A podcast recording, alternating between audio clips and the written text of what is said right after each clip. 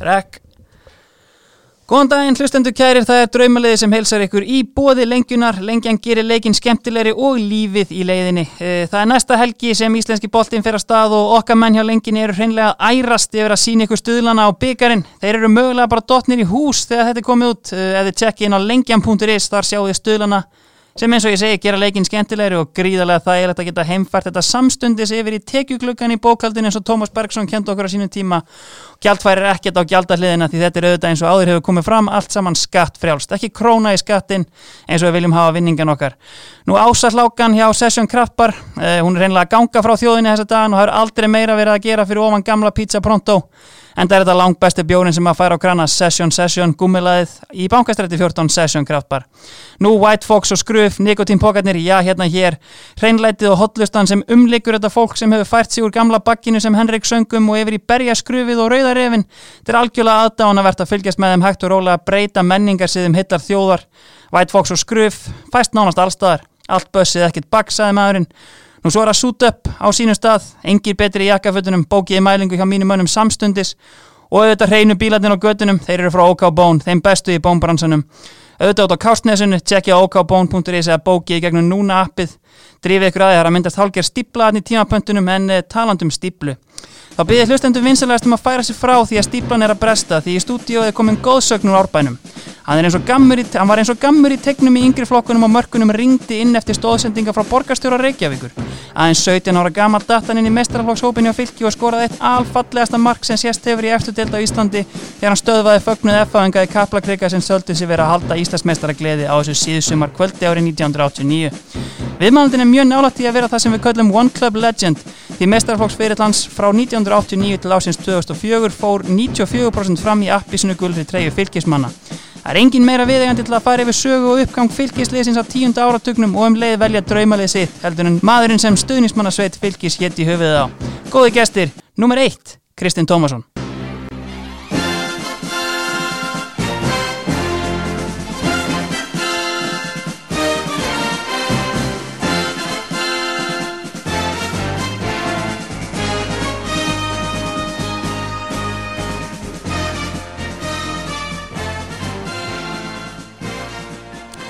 Blessaða Kristinn, Sælvöldum. ánæði með þessa kynningu það? Þetta var svakara kynning. Er það ekki? hérna, Þegar fóru yfir allt saman, ég bara... við getum bara þess að pakka saman bara. Herru, uh, ég kom inn á áðan, uh, Kristinn, við erum í bóði Session Kraftbar og þeir hafa svona verið að kynna sér þessa, hérna, já, svona þessa uh, móralsku menningu hjá uh, liðunum í, hérna, í, hérna, í deildinni og ég gef mér nú bara að allir árbæðingar og fylgismenn að það komi bara blásteitt upp í hugan þar. Það er nú bara ekkert málið. Það Já. er hérna hverjusbarinn í Albanum, Já. Blásteinn, sem að hérna var nú öruglega, hann er öruglega orðin sko, ég veit ekki hvað, 30 ára gammal eða hvað það er sko. Já. Og, Hérna, og það er svona myndaðist alveg svakara stemming oft þar. Voruð þið duglegir að kíkja þarna eftir æfingar og Já, leikið það? Bítur og lögur. Já, það er hérna mitt að svo stemminga, það er náttúrulega stuðnismenn fór alltaf fyrir leik og, og hérna og eftir leik og það var eiginlega bara skilda hjá leikmönnum að, að kíkja eftir leik og, og taka ein, ein, bara einn sko áður en og heita stuðnismenn og, og hérna ræðum leikinn og, Já, já. og svona og Mm. svo bara fórum enn heim að sofa sko. mm nema náttúrulega kom alveg fyrir ef það var langt í næsta leik að menn kannski voru aðeins lengur já. svo sem ekki dóðilegt með það Nei, alls ekki. En ég meina, var þetta hérna, voru þetta góð kvöld þarna? Voru þá bara svona að gera upp leikinn og þú veist, sama hvort það var tapið eða sigurleikur eða? Já, í rauninni, það var bara, eins og segið, bara skilda, Já, fara, hitta stuðnismenn og bara eiga, já, góða stund. þetta er klálega eitthvað sem að fleiri klúpa mættu taka sér til Já, fyrirmyndar. og við sem sagt þegar við byggarn hana, Já, Mm. tvorir röð, þá, þá var það þannig að við fórum í vörubíl upp, upp árbæðin og endum á blástinni. já, bara svona open bus nánast. Já, já, og bara með, ég veit ekki hvað, mörg hundur mann sem, að, sem voru þar og það var alltaf pakkað hana eftir leiki, sko. Algjörlega. Ekki, samt, hérna, ekki sérstaklega stór staður, samt. Var hérna Nei. alveg nóg pláss fyrir alla, samt, þarna? eða? Já, já, það var einhverju sem þurfti að vera úti og, Já. og svona bara vel, vel tróðið, það var ekkit þannig tímar að Nei. það gáttum verið þétt saman. Já, algjörlega. Herðu, uh, Kristinn, ég baði um að stilla upp þessu liði eins og ég saði, þetta er, uh, já, þetta er nánast allt saman hjá þér hérna í fylki fyrir utan eitt tímabil kannski fram, en var erfitt að velja þetta lið? Já og nei, það komu náttúrulega nokkrir alveg sem áttu bara farsæti Já, og var eiginlega engin spurning með leikmenn sem ég er náttúrulega búin að spila með síðan var sko 7-8 ára einmitt, og alveg upp alla, alla flokka og, já, og mörg ári mestarlokki algjörlega En byrjum þetta þá bara í markinu Já, Væntalega það- bara eitt komandi greina það Já, í rauninni, En Já. ég, ég spilaði náttúrulega mest með honum og ég, ég man ekki hvað 8 ára eða hvað það var sko Mhm. og það er hérna ítalski fólinn, Kjartan Já, Stokkarsson einmitt. Sko ég hérna, vil byrja þetta á bara svona spurningu af því að hérna, ég er með einhverja fasta minningu af kjartani styrlu sinni að skora sjálfsmark úr markspinnu. Er Já. það vittleisa í mér eða að það verðist enginn einhvern veginn sem ég rætt við muna? Manst þú eftir þessu eða? Ég sko, ég man eftir þessu og hann, Já. hann tekist ekki mun eftir þessu sko. en við erum nokkru sem að minnum hann á þetta reglulega og það hérna það var þannig að hann var ekki sérstaklega góður að sparka út Nei, kannski hans helsti ljóður á leiknum. Já, eitthvað sem að var úr útsparki eða bara úr höndunum sko Já. hérna, Ég held að því að hann var með svo stóra lappir erum svo stóra lappir að þetta var Já. eitthvað ekki fyrir hún sko en hann hérna er að gera sér klára að taka útspark já, og allar væntalega að dúndur honum eitthvað fram á miðju en þá kallar Gunnar Þór á hann byður um boltan já, og kjartan einhvern veginn hætti við að taka fram tekur mjög stóran sveig já, til að ná hann út á vinstri kant endar á því að dundrar hann í stöngin inn alveg upp í bara vinkilin En sko var þetta, þetta var á Íslandsmótinu það ekki? eða- eða Jú, hvað? jú, Já. jú. Og hvað er dæmt? og það er rauninni vissu, Hotspinna eða? ég meina vissu fáir hvað, hvað átt að gera í hvað þessu gerðist en, en dómar ég man ekki alveg hvað það var hvort það veri hérna minni að það var Kitty Jack já, eða hvort það var Egil Már hérna. já, hann bara vendi strax aftur á, á Martein og bara annað útspark aftur já, ok, því að boltinn náttúrulega þarf að fara út úr teikt Algjörlega, já, já, einmitt. annað en kannski í dag já ég hann hefði verið hann hefði verið hans í vondum máli Já.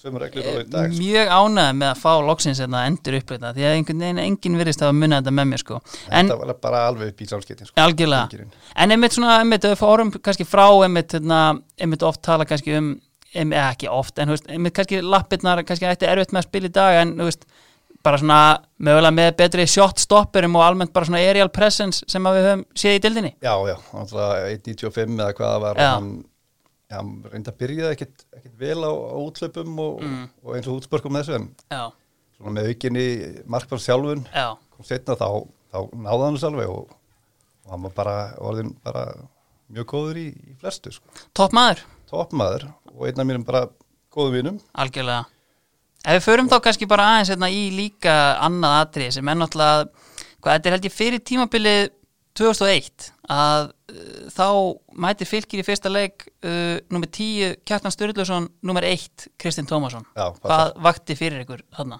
Passar, þetta var bara á þeim tíma að breyttu reglunum að þú þurftir ekki að vera með númer 1 upp í 11 11, já, og okkur fannst þetta bara sniðut. Ég hefði skipt áður úr, úr tíunni sko, já, í tvistir með sér og, Já. og, og, og byrjaði hann um 17 náttúrulega en já þetta fannst okkur bara mjög sniðut að, að, hérna, að framherji og yfir númer 1 Þetta og, var basically bara og markmann númer 10. góðu bandir bara Já, já, Já. já. við vorum alveg, við vorum átt til í að, að skemmta árandu sko, að vera með eitthvað svona öðruvísi. Algjörlega. Herri, ef við byrjum þetta kannski bara á hérna, upphafun, það eru náttúrulega yngri flokkarnir í fylki. Sko, ég lasa að hérna, þú algjörlega raðaðir inn. Uh, ég meina þetta er hérna, hvort þetta er hérna í fymta flokki eitthvað sem þetta eru 76 mörg sem þú skorar af einhverjum 100, en ég meina þið hafi verið mjög gott lið. Ég meina, Já, já. vinnið ekki bara flest allt þarna sem þið snertið Hérna, það? sem sagt, Þetta byrjaði í sjötaflokkilega sko. Já, og við mistum nú reyndar af hérna eigamótinu sko, tómamótinu þá sko Já. og vorum frekar svektið með það, ég við hefum bóttið unni það, en, já, en við vorum að vinna flest mótin í sjötta og fymtalflokki, mhm, nema við töpum Íslandsmótinu á mútið fram, þessi í fymtalflokki mhm, og framarni, jú, jú, framarni voru góðu líka og þeir voru að vinna eitt og eitt mót og þetta var svona við í fyrsta og þeir í Já, öðru já. Mhm. þeir- þeir í fyrsta og við í öðru Þetta var svona- að því að einmitt, þetta er náttúrulega hérna, þú fættir 72 og hérna kannski árgangunum fyrir neðan þig er náttúrulega hérna, 73 og það er náttúrulega, þú veist, það er þetta með lið eins og Skagan og, og IBVF með mjög gott lið þarna. já, já. Þú veist, þannig að, Oft, uh, og spilur náttúrulega oft uh, við týpurana og Já. Mhm. þóruð og þessum stráka sko, en árgangunir hjá okkur bæði sko 71 já, og 73 voru ekkert sérstakir nei, Þannig að við 72 vorum, við spiluðum alltaf, hvað sem vorum yngra eða eldra, þá vorum við alltaf í liðinu. Algjörlega, ég skil þau. En einmitt hérna, kannski sko, uh, það er náttúrulega Dagur B. Já, Hann er þarna með ykkur í yngri flokkurum. Var hann góður leikmaður eða? já sko hann náttúrulega segir þessa sögu marga oft að hann hafi þessar stórið Íslandsumstari með, með fylki. og Já. Það, en, jú, jú, hann var, eh, hann var nagli, Já. bakvörður, hægri bakvörður. Mm Hann var svona öruglega óþrólandi típa að spila á móti því að hann, já, já, hann var bara að hafa kraftur í honum og hann kom alltaf aftur og mm Spilaði hann lengi með ykkur eða? Mér minnir að hann hafi hætt bara þegar við vorum komin í þriðja flokk. Já, svona 17, 18 eitthvað leiðis. Já, hérna verðum Íslandsmyndstarar 86 á, Mm. á öðru ári í, í fjórðarflokki. Já, Ég minnir að hann hafi bara hætt fljótt eftir. á topnum bara. Já, Já. á toppnum. Og þess vegna talaði hann svolítið mikið um það. einmitt. Hann á þennan titil. Algjörlega. En það, ég hef mikið dálæti að því, hérna, einmitt, þú sjálfur náttúrulega varst líka í, hérna, handbóltanum og ég hef, ef ég, ef ég, hérna, ef ég fer inn á KSI og finn þar handbóltamenn að spila ég einmitt um það. En annar markmaður náttúrulega er Róbert Gunnarsson. Já, Eh, Valdi hann rétt þegar hann valdi handbóltan eða? Ég held það, já. Já. En Hans, Hann er náttúrulega ekki stór, neini og, og spilaði landsliðin í fjölda ára og mm sló sér alveg svakalega vel. en hann var samt, var hann góður markmaður? Hann eða? var efnilegur. Já, Hann kemur inn 16 ára held ég. sko. já, var svolítið hent í djúbúleina hvort að kjartan hafi gerðið meittur eða eitthvað vorum að, hérna, spila byggarleik upp á Skaga já, vorum við hent inn Skagi með svakalega gott lið þetta var sko það ekki 92 3 Mm. já, hvað sliðis náðu ekki alveg en hérna hann kemur inn hérna og, og við bara verðum gjössalega okkur rústa, þvílíkt rústa 9-2 hann fann nýju mörg á sig þarna já, og hann uh, fekk ekkert mikið af tækifærum eftir það nei, og hætti held ég bara fljóta og fór í Einmitt. handbóltan eftir það já, algjörlega, kannski hann hins góða, vegar, og það var líka ágætt að saga með það að hann hafði spilaði skagan með öðrum heldur verið sumu viku já, tapaði það 10-0 eða svo og hann fekk sko 90 mörg á sig þetta bara á einni viku á skagamannu nei, einmitt. Herru, uh, færum okkur þá bara hérna uh, upp í varnalínuna. Við erum með uh, þryggjamanna varnalínu, kannski bara svona hvaða leikkerfi stiltum við upp í? já, þetta er svona 3-4-3 já, afbreyð, þrír, eitthvað svo leiðis. fjórir, já, tveir, einn Já. þetta er svona Tvær fljótandi tíur og Já, þetta er einn upp á ekki- topp. Þetta er ekki alveg hefböndi, sko. Nei. En Maður þurfti að koma hana mönnum kannski inn sem er kannski alveg í sinni svona venjulega stöðu en Nei, en það það þarf að sleppa og algjörlega. þetta er, þetta er gott sóknarlið. Ég fíla þetta. Herru, byrjum bara á vörninni. Uh, þú mátt bara ráða á hvaða leikmannu þú byrjar. Já, við ekki bara að byrja á selfinsingnum hérna, Jú. Ómari, Ómari Vald. Endilega. Hann kemur til okkar eh, 1995 Mm og hann svona á, á stofan þátt í að, að móta liðið svona sem, að, eða sem kom árin eftir Já, og þeir voru sem bestir, hann hérna á alveg stofan þátt í því. já, en það finnum hann að þegar þegar hann kemur til okkar á reynslu að þá hérna þá spyrjum við hvernig annan sko bara hvaða maður er þetta hann var heldur lélegasti held ég leikmaður sem ég sé sem hefur komið til reynslu já, bara allan að tíma sem ég hef verið hann en hann náttúrulega hann var ekkert að segja frá því að hann var nýkomin úr, úr aðgerð Já, já. og viðbinn, hafði viðbinnsbrotnað og Ok. var bara ekki í neinu standi nei, einmitt En svo bara stakk hann sokk upp yfir alla og, og var því lít góður sko. Algjörlega, menn var fyrirlið fylgis og hérna, Já, góð sending frá Selfossi eins Já, og mjög- áður hefur komið eða mjög setna, algjörlega En ef við höldum þá bara áfram svona upp hérna, tröppugangin í þessu, ég meina þetta er hérna 1989 þar sem að hérna, þar sem þú lokar á titilvonir F-fanga í lokaleiknum með þessu ótrúlega marki, þú ert 17 ára gamall sko fylgir var búið að vera þarna í harðri fallbaróttu eh, bara og, en hvað þetta eru mitt mót bara sem að þú Tóti Dan og Finnur Kolbens eru þarna teknir inn bara 16-17 ára já, sko, já, við erum tóttinn og reyndar ekki orðið 17 ára Já. þarna. en og Finnur fer inn aðeins fyrr, hann kemur inn bara mitt mót minni mig sko, hann mm Mhm. -hmm. spilaði einhverja sex leiki eða hvað það var en ég og Tóti komum sér inn í 15. umferð Þú skoraði líka á móti Káa, er það ekki? Jú, Þetta eru jú, Tvö það- mörkarni í það- fjórun leikjum. Já, við hans byrjum á því að spila við Val. Já. Það var svona, já, var gott leið á þeim tíma. algjörlega Og ég og Tóti kom inn í þann leik. Ég fiska viti og skorum á því og vinnum, vinnum á 3-1. mm Þannig að svo í næsta alveg eftir förum við til Akureyrar, spilum við Káa og þá er ég aftur, þessar aftur í byrjanliði Mhm. og þar jafna ég 1-1 Mhm. með mínu fyrsta marki í mestarlóki. Já, sætt stund Já, já, svakalega, Já, svakalega gaman sko. algjörlega En þetta er einmitt síðan kemur þetta þarna kannski Það sem ég er svona pæli er einmitt sko húst, 17 ára gamall, þetta er styrla mark og, húst, og mark sem er í rauninni bara svona þú veist, klárar tímabilið og ræður úrslitum Vastu, fjekkstu svona bráð mánaðarinn stimpil, þú veist, var hérna var mikið tala við þið fjölmiðlar eða voru menn kannski ekkert að pæla mikið að því að þú veist, maður kannski ber þetta saman við Loga Tómasson hérna í fyrra Já. sem að skoraði hérna styrla mark og, og semur lög og hérna allt fyrir á flug sko Já, ég, ég var nú ekki í því að semja lag um þetta, en það hefði nú örugglega verið hægt að gera gott lag úr. þessu. Já, Þetta, markið náttúrulega bara, vil ég bara segja sjálfur sko, bara fárunlegt sko. er þetta fallegasta mark sem þú skorar að ferðinu? Ég, það ætti að vera það, alltaf það sem ég er til á, á, Á á teipi, teipi, sko. já, einmitt En ég skoraði nú alveg önnum mörg sem að voru, hefði getað við kannski... Heldur farist betur. Fallegri, sko. Algjörlega, en einmitt svona ef við kom, þú veist, var hérna, þú veist að því einmitt ef 17 ára krakki myndi gera þetta í dag, þú veist, minna það væru hérna, var ekkert, voru engin blaða viðtöl eða hérna var mönnum bara sama um Kristinn Tómasson hérna? Nei, nei, það var nú eitthvað, jú, jú, þetta lendi maður í viðtölum í, í blöðunum sem voru á þessum tíma Já, og, og svo þegar þetta mark er valýrunni, besta mark mótsins, Já. þá var einhver sér þáttur og, og ég fer hann í viðtal til Bjarta Fel, sko. já, og hann segi það, já þú ert eftir að koma oft aftur og eitthvað og já, þetta var, ég er alltaf 17 ára og algjörlega bara grætna bak veirun og já þannig að þetta var ekki besta viðtalið sem ég veit á efinni sko, en ég fór ekkert mikið aftur í, í sjónvarsfólk ég vissi ekki hvað hann, hvað hann var að tala um, hvað var Bjarni nei, nákvæmlega En ef við kannski svona, þú veist, snertum aðeins bara á leiknum sjálfum Ég meina, þarna eru fylgir í tíundasæti, FH er á toppnum Það er, þetta er svona veik von að þið hérna, haldið ykkur uppi Þið hefðu þetta vinnan að leik stórt og síðan einhver tvö önnu lið sem hefðu þetta tapa stórt þú veist.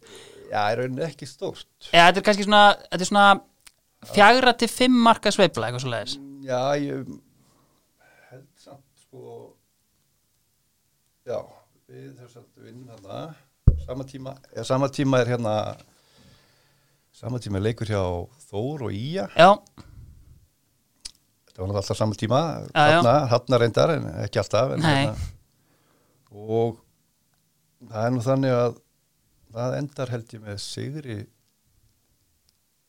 Skagans já, eða mann ekki, það var auðvögt allavega Já. eða hvort það var auðvögt mhm en þjálfari Skagamanna fer svo norður og tekur við Þóra eftir tímbili Já, og þetta, dug- þessi Sigur Skagans dögði báðum liðin til að halda sér uppi já og það munaði bara einu stíi held ég Já, þetta er já, einmitt, okkur. já, ég veist allavega nákvæmlega sko. En þetta er einmitt hérna, og hvort það verið eitthvað mörg ég, ég Nei. man það nú ekki sko nei, einmitt Þannig að þú veist, þetta var alveg hérna Ég kannski lasa þess villu síðan Þetta var, þú veist, þið eru náttúrulega fyrst og fremst bara að reyna að bjarga ykkur endalega frá falli Þannig að Já, þú já. veist, já, algjörlega og búin að vinna val náttúrulega Einmitt. þarna og reynda töpu fyrir Káa Mhm. ósagjart Já, og klúri var eiginlega í ke með keplag þegar Já. það koma til okkar og við gerum jættibli þá einmitt, nákvæmlega það Herru, er bara langt með að bjarga okkur sko. já, algjörlega Herru, hver er hérna, hver er næsti maður í vörninni? Heyrðu, það er skagamæðurinn, kokkullinn, Já, Óli Þórðar og algjörlega hérna, sem tók nú við okkur hérna sem spilandi þjálfari mm -hmm, 1998 mm uh, hann ég var náttúrulega meittur í byrjun og þá tekur hann tíðina mér sko. Já, og fer sjálfur í hana Já, já, svo fór ég hann, hann, hann bara, hann setti sér náttúrulega beint í liðið Já. og tók tíuna og var aðalkallin og náttúrulega átt alveg fullt, fullt inni fyrir því Já, já, og hann var nú eiga það, hann létt mig hafa hann síðan þegar ég fór að spila Ok. eh, seinna já, en hérna, hann náttúrulega bara var ótrúlega sko, hann hérna hann bara setti kassan upp og, og hljópa stað og, og það stoppaði hann í lengin sko. þetta hefur verið mjög stórt kannski svona fyrir, ég meina fylki sem er hann kannski búið að vera einmitt svona þetta er svona jójó tímabil og svona Já. kannski meira í fyrstu deildinu og koma upp og falla beint aftur Já. að fá bara svona karakter eins og Óla Þóruðar hérna upp í árbæ Já, það var alveg svakal flott við erum eins og þeir, þetta jójó lið og vorum alltaf mjög góður í annar dild Einmitt. en svo Já. hérna, fórum við upp og þá einhvern veginn gekk það ekki upp það Mhm. er eins og það hefði vantað eitthvað Ég hef um þetta oft pælt í þessu sem með fylki þetta er svona hérna, þetta er svona mikill fjölskyldu klúpur virðist vera þú veist það eru alltaf mikið að heimamönnum og hérna og, en sem að svona kannski sem á það kannski til að gera klúbin að svolítið svona, þú veist, setja hann í svolítið svona comfort zone, þú veist, það er kannski svona menn eru svona, þú veist, það er bara að vera að spila á heimamönnum og það er bara gaman og kannski svona minni svona ákjæð einhvern veginn í að taka titla en, og, og svoleiðis, en þú veist, Já, það við- kannski, eða, þú veist, er það það er örgulega margt til í því Já, Hérna, en svo ákjæð kannski komið inn með Óla já, ég myndi segja það hann hafi komið með svolítið mikið kraft í, bara í okkur allar sem mm voru búin að vera þarna kannski of lengi eða, Já. eða hvað það var sko og ekki náða árangri Já, og hann svona, hann sparkar í raskata okkur algjörlega og hann var alveg mjög góður í því að hérna, reka minn áfram og, og peppa það upp og, Mhm. og ná bara því besta úr þeim sko. Algjörlega, þetta er einmitt þú veist, þegar við komum inn á það að þú veist, þetta eru kannski svona mikill ægi sem hann kemur með uh, maður heyrði náttúrulega sögur að kannski einmitt eins og í æfingaferðinni fyrir tímabilið að hérna, hann hefði kannski svona sett ný viðmið í, í æfingaferðum og, og annað, var eitthvað til í því eða? Já, hann reyndi það allavega Já, það tókst ekki alveg strax Nei. en, en það kom á endanum allavega fyrra árið þá er ég reyndar þá er ég reyndar úti í Greiklandi já, og næ ekki æfingarferðin þar en maður hefur nú heyrt alveg skemmtilega sögur það já, að hann hafði nú ekki alveg kannski náða að koma aðeins á það þá það var svona menn voru að hérna stelast út á kvöldin eins og, Já. eins og gengur og gerist já og settu hérna fótballaskó í rúmið og, og þóttist þér að og svoðandi bjöggum eins og það væri einhver í rúminu og, En hann hérna hann satt í stíðum og hann beigð eftir öllum hann vissi náttúrulega nákvæmlega að menn voru farin út og Já. það bara beigð hann rólega bara alla nóttina og Algjörlega, það var nákvæmt saga þegar einn af okkur kom inn og sá, sá Óla í stíganum það bara hvað, áttu ekki að vera hann að sofa það var hérna já, við erum ekki til að tala um hver það var en nei, nei þetta var hérna skemmtilega saga Algjörlega. Sko Óli gerir þarna mjög klók uh, kaup uh, á svona miðju tímabili 98 þegar hann uh, sækir einn helsta sérfræng deildarinnar hjólastaspinnum frá Háká, uh, Mikael Nikulásson. Uh, hvernig svona, og gengið í rauninni svona ákveðið mikill tröppugangur eftir að hann kemur og svona síðan kristallast því þið farið upp hann 99. Var gaman að fá Mikka hann inn í fylgislið? já, já, það var alveg gaman Miki, hann er, hann er skemmtilegur skemmtilegur gauður sko Mm -hmm. en svona kannski lítur eh, helst til stórt á sig að gerði það allavega á þessum tíma og, og hún svona fannst hann ætti að, ætti að byrja alla leiki og, Já, og er hann um tíu vantalega líka sko, Já. og, hérna, og fyrirliði vantalega og vítaskitta en það var ekki alveg þannig hann svona kemur hann kannski ekki, að- ekki alveg sem besta formi og búin að kannski vera eitthvað rólegur verið árum á sinni- undan Já, nýkomin alltaf úr sinni frægu pásu þarna. Já, akkurat, akkurat. Mhm. en ég minn hann jú, jú, hann það var gaman að að fá hann Já. gaman að hafa kynst honum Einmitt. Og þetta er þarna svona kannski leiðir Mikael og fylgir skilja þarna í borgarnesinu þegar uh, Já, Þegar- þá eiginlega og skilum maður svo sem alveg ágætlega sko, Já. þegar sem sagt liðstjórun okkar keipti sín í liði við komnir upp og Já. ekki stress og þannig að já, já, hann, já, hann borgaði hann góðan pening sem að, já, var mjög góða peningur á þessu tíma og Já. sem fóð bara í leikmannsjóð og ég vantalega eittum hann á blásteini bara hann að já, fljóta já, en hann sem sagt kemur inn í hópin Baldvin Jón Hallgrímsson datt út úr hópnum og hann var náttúrulega ekki hann, hann er svona mikka típa líka og Já. hann var svo alls ekki sáttur sko og mikki verður á bekknum eins og hann reynda var meira að minna þetta, þetta tímabil já, þó hann hafi nú sagt að hann hafi spilað alla leikina og allt þetta sko en þá var hann, þá var hann svolítið á bekknum Já. byrjaði einhverja tvo-þrjá leiki já, En svo er það þannig að það eru sko minna, það eru alltaf kortir eftir þá kemur Enes Kokic inn á Já. hann var búin að vera alveg ónýtur en var að vera að hætta þannig Já. að hann, Það er svona kveðileg. það fyrir kveðjuleik Já, kemur inn á í korter og, og svo eru fimm mínútur eftir þá það skiptir Óli Þórðar sjálfum sér út af fyrir smára Ludvigs og búin að vera liðstjórnum okkar í, í einhver ár sko þannig að 38 ára hann já, og ég man ekki eftir að síðan, hafa síðan að spila fótbolta bara, ég bara aldrei sko. nei, ekki í neinu standi og færa þessar fimm mínútur að við heldum já, en þessar fimm mínútur urðu örgulega 10-15 því að það var hérna einhver töf og já, En hann er gjössalega búinn bara eftir sko, eina mín. Tók eitt sprett og alveg búinn. Þannig að hann var bara settur á, á miðjuna, já, beð bara þar já, og ég held að það hann verið þrjúlúlana já, passar. og hérna skallagrimur fyrir að sækja, ætlaði hann og var ekki alveg að fíla þetta, Nei. var hann að setja svona mann inn á og Já, ætlaði að nýta sér það eitthvað og minnið það eftir hotn að þá það við náðu að reynsa svo vel að, að það fyrir beint á smára sem að stendur á miðlunni. já, hann er bara komin einn í gegn Já. og allir náttúrulega helmingun eftir en hann, hann er með svona 20-30 metra fórskot á, já, á næsta varnamann sko. já, og hann byrjar að hlaupa að- náttúrulega alveg búin á því og kemst ekkert lengur en á vítategin þá kemur hérna varnamaður og, og Já, bara hann- tæklar hann niður næra hann uppi. Já, já, En ég menna, hú veist, inn í klef eftir leik, uh, Mikael Brjálaður eða? já, ég man nú ekki nákvæmlega en Nei, hann hlýtur að hafa verið brjálæður og ég, ég skil hann mjög vel náttúrulega. já, algjörlega. Herru, hver lokar síðan hérna vörninni? Uh, vörninni já, það er uh, það er eitt hérna, fjölhæfuleikmaður sem að Já, kom inn í mestrarlokk hérna, hvað ég 96. 26, Já. gæti- já, það geti passa Já, hann og Gilvi Einars komu saman inn það Mhm. er hérna Hrafkil Helgason algjörlega. Ég er mitt mann mest eftir Hrafnkalli, uh, kannski svona einmitt á miðsvæðinu, en einmitt svona léttur, svona John O'Shea, svona gat, var þetta hendunum út um allt? já, en hann gatt spilað bara flesta stöður Mhm.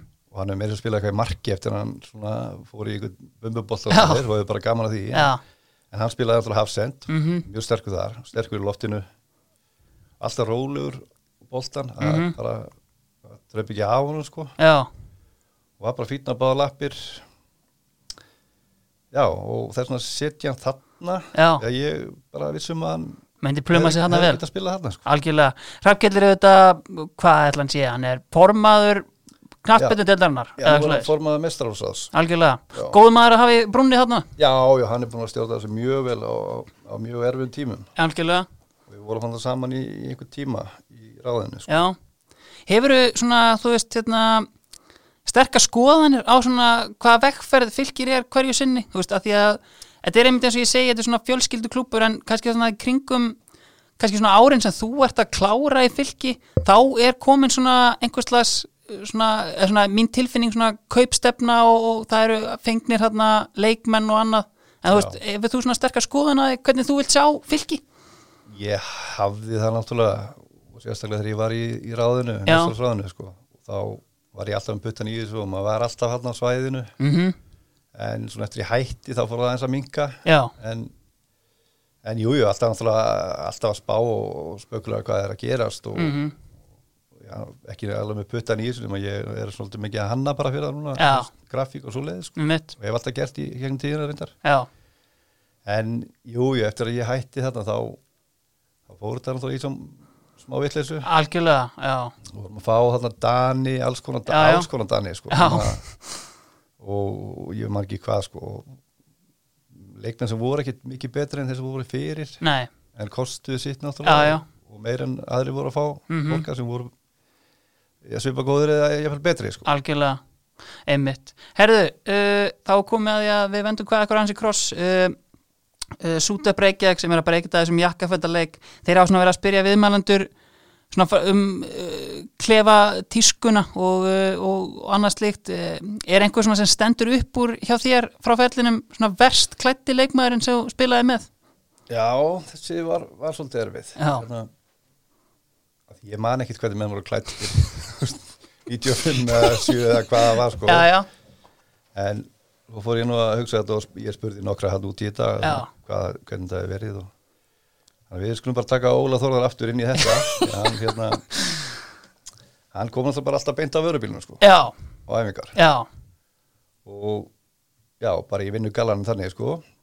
Og svo þegar uh, ætlum við að hittast og gera eitthvað skemmtilegt í æfingarferðum með að Já. hvað það var, þá mætti hann alltaf í brúnum lott og leðjök. já, einmitt Já, Adidas leður jakkin fræ Adidas, já, Já, Adidas, Já. já, já akkurat og hérna bláum galabuxum og, og brúnum mokkasím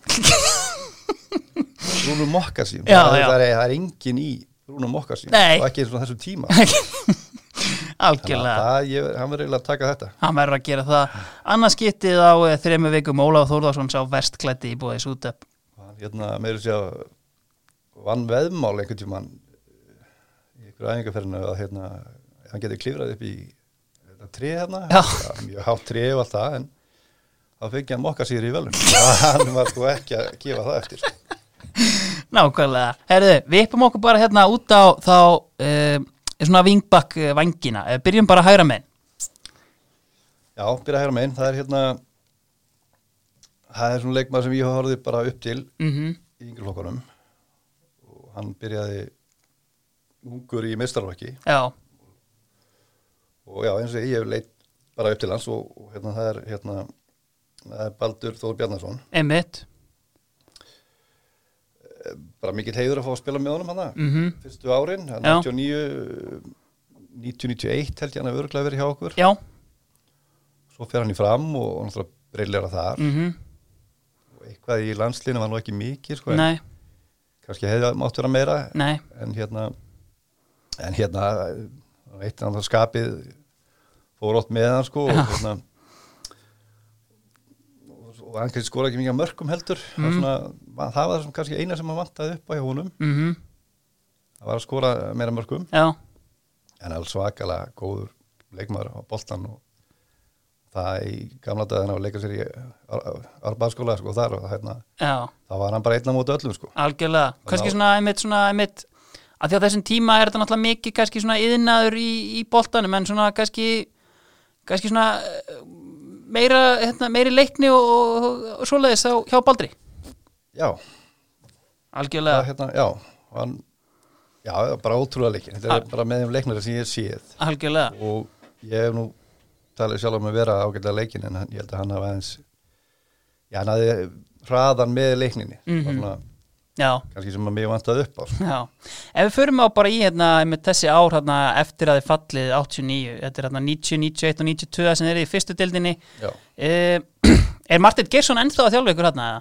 já Martin, hann, hann þjálfur okkur alveg tvö ári viðból, Já. 1991 ég var nú eitthvað að leita að þessu kási en það er bara, það er ekkit um þessi ár hann Nei. þessu deil Það þarf eiginlega hérna að- Það er eitthvað að uppfæra það. Já, sammála því en hérna 90, þá erum við bara mjög nálætt í að fara aft beint upp Einmitt, og held að það verið næst síðast leikur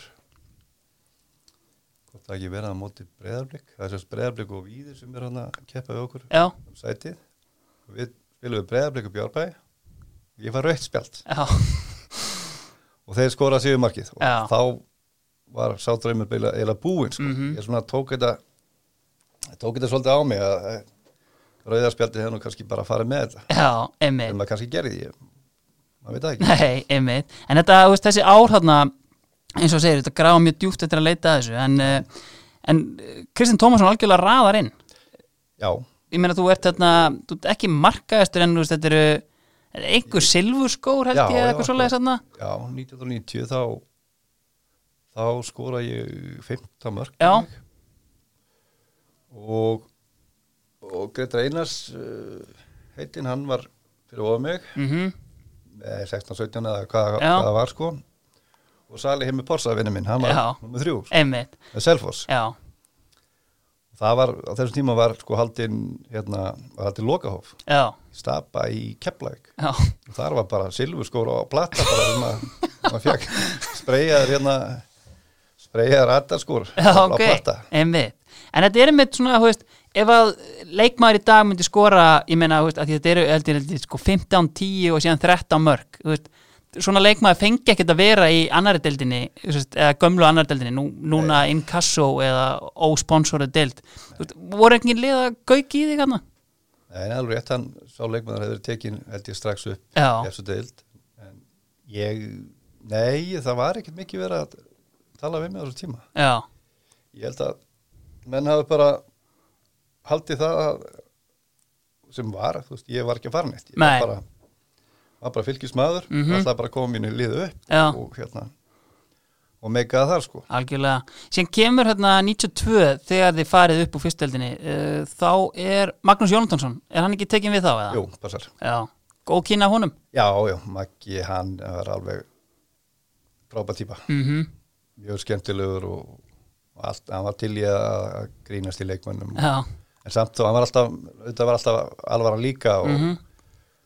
og var, já, og var bara mjög góður þjálfara fyrir okkur á þessum tíma. algjörlega Eru, uh, það sem ég annað kannski sem að hérna, ég pæli þetta, ég held þessi eftir hvort það er uh, 92 tímanbilið þá ferðu til, þá ferðu með Finni Kolbest í Belgíu, passa það ekki? eða? Jú.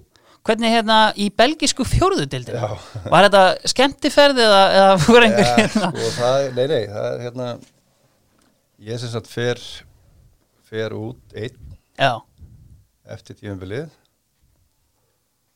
og Finnur fer til Möldu mhm, mhm með, með Indra Einarsinnu hérna einnum og ég er þarna bara einn í dættra vikur, bý hjá fórsetanum mínu yfirleiti og, og svo frétti það að Finnur er ekki alveg að fíla fótboltan á möldu hann sagði það að fengi hálsvík bara Já, í fyrsta bo- leik já. Þau bara um heldunum og hann með ennskan fjálfara sko, Já, og þeir bara neldi yfir hann alltaf sko, Já. þannig að hann, hann kemur til mín til Bornem í Belgíu já, sem er hérna nálaðt Antwerpen mhm og við sem sagt eh, byrjum á því að fá herbyggi hjá fjölskyldu með einu hjónarami og við sem sagt svofum bara hlið við hlið þarna einhverja þrjá fjóra nætur og,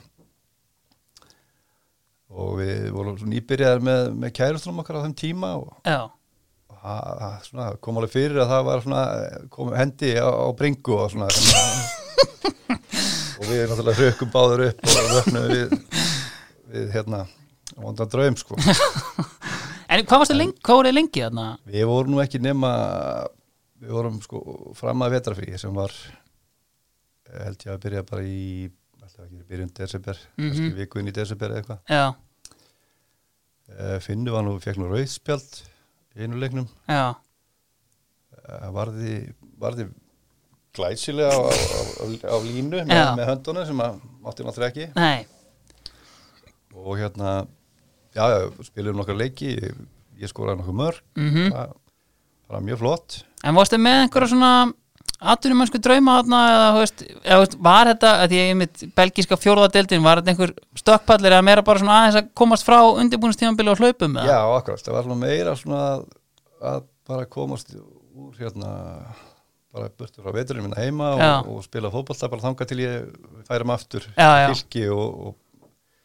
takki það eitthvað lengra sko. Mhm, algjörlega, En svo gekk okkur bara vel vorum með hana fína þjálfara sem að sem að hætti svo með liðið eftir vetarfríð já, og hann vill fá okkur í liðið sem að tók við og þeir voru í annar til sko. ok, að þetta hefði bara verið fín stökkvallur sko. já, algjörlega, En við eins og ég vorum nýbyrjað með hana kærtunum ás tíma og, og svo náttúrulega verðum indriði brákvættur á, á Möldu já, góðu vinnur okkar, þannig að við svona eiginlega já, okkur langaði bara heim algjörlega, ég skil. Það er kannski önnur hérna, eins og talar um aðan, þú fórst til Greiklands og ef við tökum bara svona þessa, hérna, þessa atvinnumennsku drauma einhvers slags, hvað hérna, ég sá eiginlega ekki dumönda annað en bara félagskipti inn til Greiklands. Varstu Já. lengi þarna? Ég var í, ég fer í byrjun desember eða jafnvel lók uh, nei hérna já lók desember eða byrjun januar Já, hérna 98 mhm,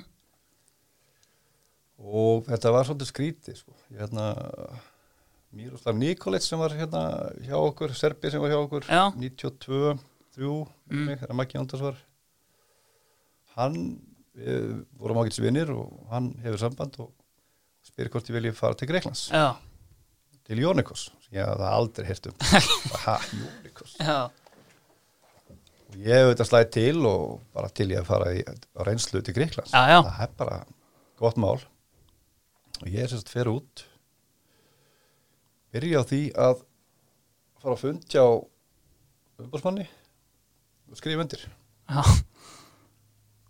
bara beint ég að skrifa undir samlingin daginn eftir það, hafa lækniskoðun já, eða hvort það verið öfutt, væntalega öfutt lækniskoðun á undan Já, já, og svo já. skrifa undir samlingin já, en svo þriðja daginn þá er æming já, ég bara kem út og ætla að vera hann í viku á reynslu ég er bara naturnum maður hjá, hjá liði fyrst deild í Greiklandi eftir deild já, og liði sem var í, meira að segja í þriðja sæti mm Mhm. á svo tíma, spilaður mikið hana?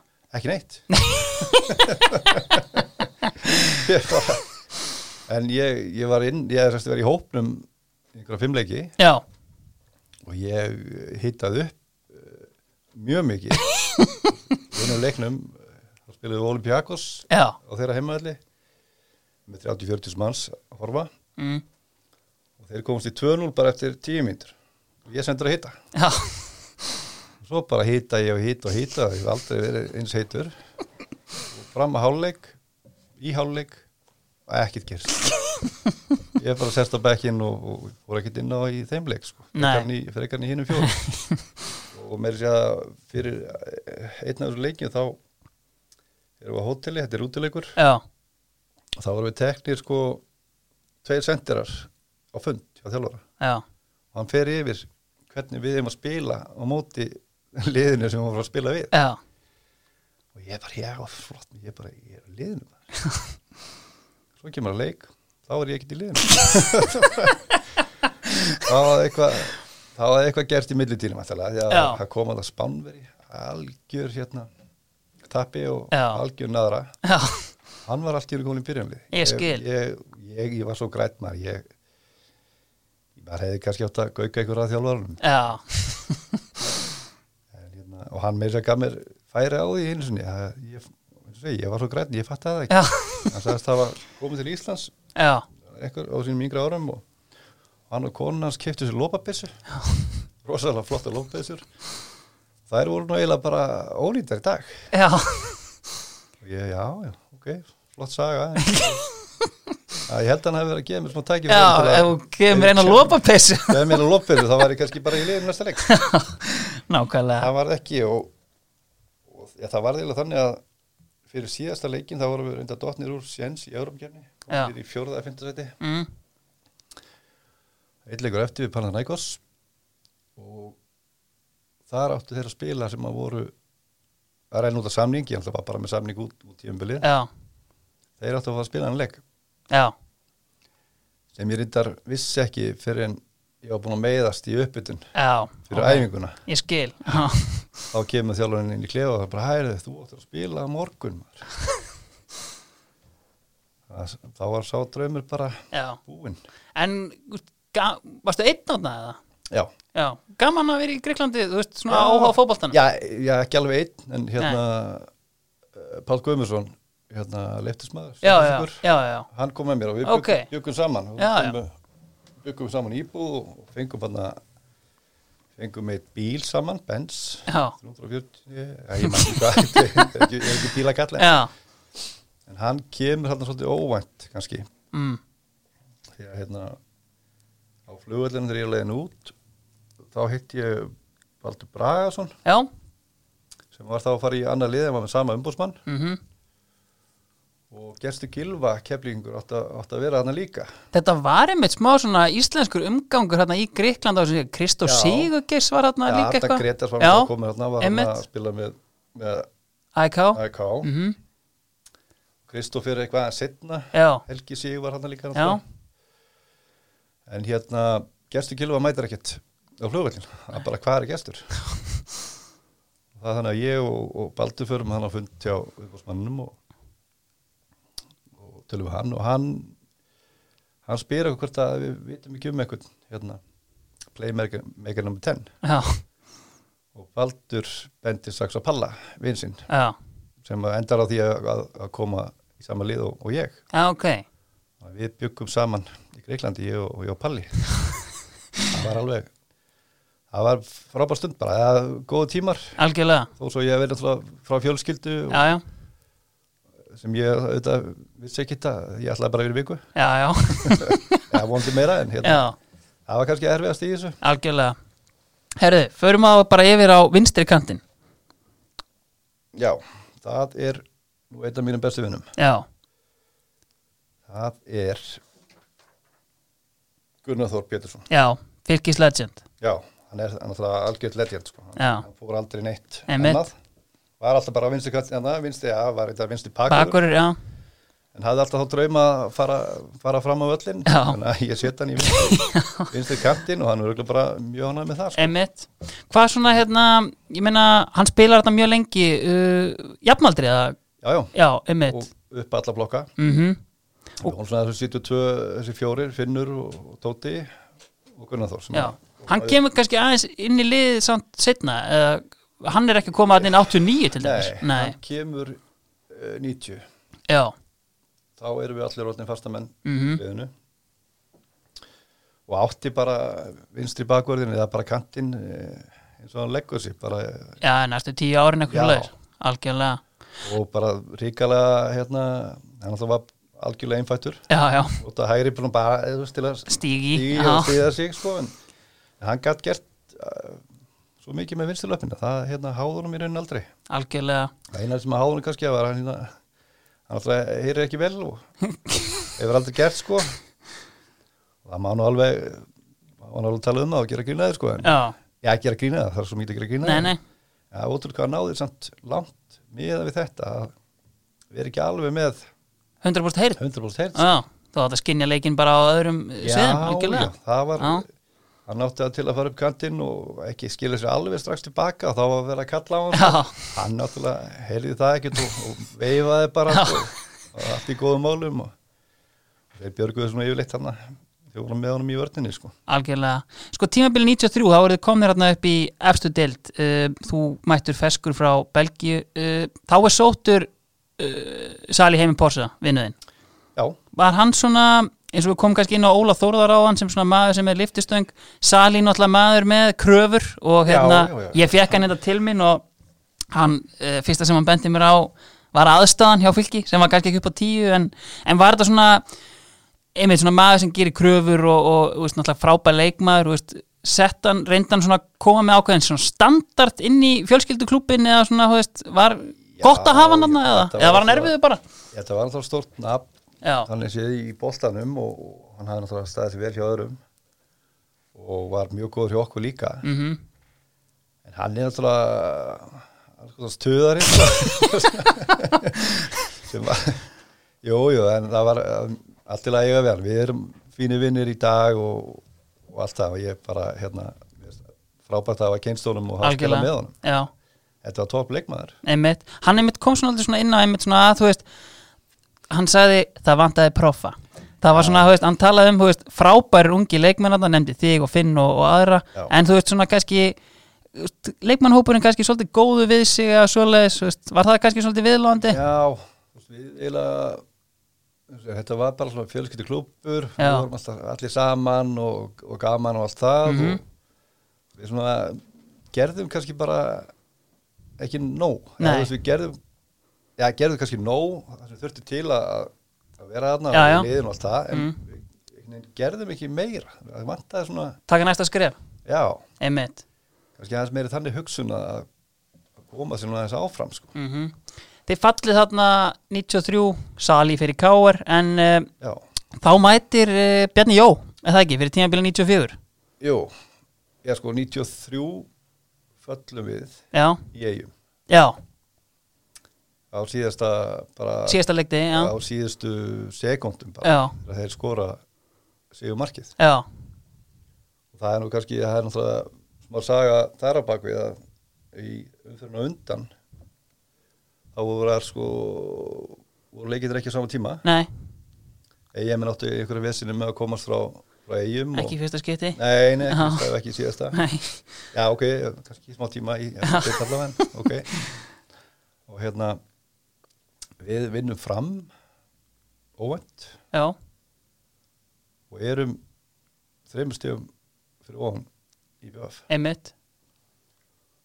eða, eða já, þreymur stegum og hérna þeir spila tveim tímur setna við Viking Já, sem að frétti það þá í, hál- þeir frétta í hálfleika þessi fallnir já, og ég held að IBF hafi skoraði sko, eitthvað sex mörk í setna áleik það var bara fára Viking var bara hættir já, þeir skora sex mörk í setni, vinna nýju eitt, já, held ég að verið og jafna markatölna já. Þannig að það er bara ústætt að leikur það í lokaðum fyrirni. jafna markatölna, já, og það er bara úrstæðleikur Ég meina, þú veist, sex mörk í setni hálfleik, bróði tabli. ég vil ekki alveg segja það Nei. en það var alveg hérna, einhverju sögur um það að þeir hefðu viljandi senkað herjálu við eða hvað Já, það já. var sko Já, einmitt, eða fluginu eða hvað það var, ég veit ekki hvernig það var nei, en eftir þetta þá náttúrulega, var svo, tekið svo regla á að, að síðustu tæra umferðna Já. skildu spilaðar á, á sama tíma og Einmitt. við verðum meila svolítið svona fórnarnamp fórnana bastana. sko. Já, nákvæmlega. En einmitt tímabilið þá, hérna, árið eftir þegar, hérna, það er bjarni kemur já, þið farið, þið farið upp, eða ekki, eða hvað?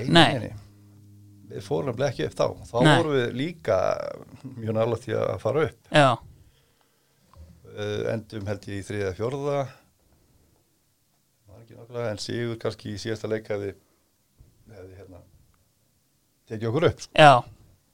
Og, hérna, og uh, Bjarni hættir eftir þetta tímabil, var það, þú veist, hann kemur síðan sér náttúrulega til- aftur í fylki og gerir góða hluti, en man ekki alveg ástæðan fyrir því að hann hættir hann fer alltaf og tekur við breyðablika eða eitthvað svoleiði, já, sko. hvort hann hafi ekki bara Fengið betra Alveg tilbúð hans- annars staðar? já, hans ákvörður bara um að fara annað sko. mm Mhm. taldi sig kannski ekki geta að fara með liðið lengra Nei, sem hann var með þá já. Hver tók þá við að bjanna? 95 tekur uh, Magnús Pálsson við Já, fangur mhm, og Gummi Torfa aðstofþjálfari já, einmitt. Og þá farið þið upp? þá fórum við, já, bara rakleif bara Já, beint upp með, með stigamett og ég tík hvað og hvað já, sko. einmitt. og með Gummi Torfa náttúrulega hann í Já, í einhver svona spilandi þjálfara hlutverki? já, eða? já, hann var aðstofþjálfari en Já. hann spilaði, spilaði með Já, gott að spila með hann hann, hann alltaf komin vel á efri árin en hann var komin yfir sitt næst besta og, og hérna, en, en það var það dugði okkur alveg og hann, var, hann stóð sér rosalega vel bara Mhm. og, og auðvitað eins og oft kannski vanta áður einhver til að hérna, taka okkur ungu, ungu hérna, ekki beitt ungu þá en Já. hérna, 72 gullrengina þess að sparki þá Já, en hann hérna já já hann tók náttúrulega allar aukarspinnur og fjátt ná viti og, og skoraði hann eitthvað 2-3 mörg út þessu öllu saman en en það var rosa flottur, flottur karakter og, og gott að hafa í liðinu og, og það er örugglega mikið honum að þakka að við fórum þarna upp sko. já, algjörlega. Uh, ef við síðan tökum bara svona örstnögt að því uh, 96 þá eru þið konir aftur upp í efstu deild og það er bara beint fall aftur niður. já það tímabili var bara freka lélegt Já. og, og Maggi Páls uh, Hann hættir þarna já, eða láti, ekki? já, láti fara þarna og Þóri Sigfússon Nei, það verið eitthvað, átt, já. áttalegir eftir Já.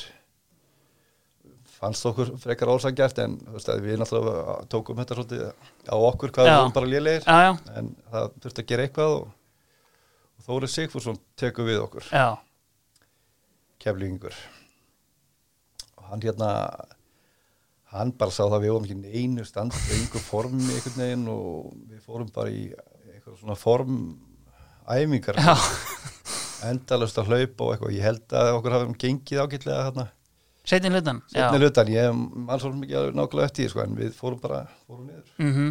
Við taka hérna ár í, í fyrstu deildinni hérna 97, 98 og 99 sem við tölum á með Óla Þórðar og, og Anna Já, Herru, förum þá hérna bara upp á miðjuna Tvei miðjumenn, þú ræður bara á hvona þú byrjar já, ég ætla að hérna, það er hérna skakfyrringurinn með stóra nefið, Já, það er að Sverri Sverrisson já, hann kemur hérna einmitt 2000 Já, þegar hann þið kemur, já, kemur með Bjarna í Já. rauninni. hann kemur frá Malmö, mhm, var þar í 2-3 ár kemur inn með Bjarna sem spilandi aðstöðhjálfari já, og hann kemur bara með það sem að Ólið Þorða kom með og komið Torfa kom með gamli aðdunumenn og, Já. og, og kemur bara með þá hugsun bara að, Hann er ekkert mættur í neitt bull. nei, Já. alls ekki sko. Nei. hann kemur svolítið með hugsun aðdunumannsins og, og, og smita alveg svakal út frá sér Emmett. rosalega góður félagi og vinnur hann var kannski alveg ekki alveg svo fljótasti á vellinum en Nei. hann vanda, vandaði upp með öðru og Já. því líku skallamæður Mm þetta er að við hann vann held ég alla, alla skallabolta Ég var einmitt með Gunnar Örn Jónsson sem fekk hann síðan ennþá síðar á ferlinum sem að sagði að hann hefði ekki haft neina sprengju en hann hefði samt unnið hvern einasta skallabóta sem hann fór upp í. akkurat Já. en hann var, já ég er ekki að segja hans að vera hægur ég, hann var örgla hraðar en ég en hérna hann gerði bara svo góða hluti þú veist, hann hérna skoraði fullt af Skoraði mörkum. fullt af mörgum, einmitt, nákvæmlega. með skalla Já. á markteg yfirleitt sko. Já. og svo var hann svo sniður hann, bara, hann hérna las leikinn svo vel Mm. hann kannski bara í hotnum þá bara lætna hann sér á fjárstöng beigð þar held í stöngina og, og hann skora örugglega, þú veist, tíu mörg þannig hann Já. held í stöngina og potta á minn sko. Og sagði alltaf, þetta telur líka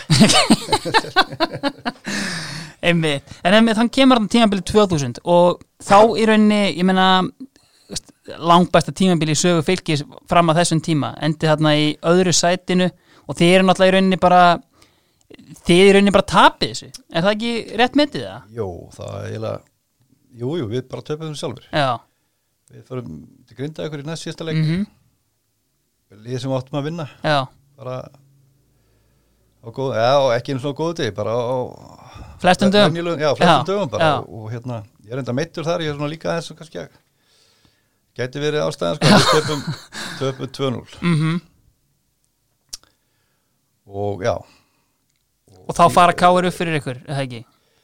jú Já, og hérna þeir vinna síðan e, stjörnuna já, létt já og hvort að hvað ætlum við, tapa sérstæleik líka Ég held það, frekar en sko Þetta kom allan hvort það kom tvei tapleikir í rauð og síðan unnuði síðasta leikin Eitthvað svo leiðis Eh, já, já, já, getur, já. einmitt En við sérst klúrum þessu allavega sjálfur sko. já.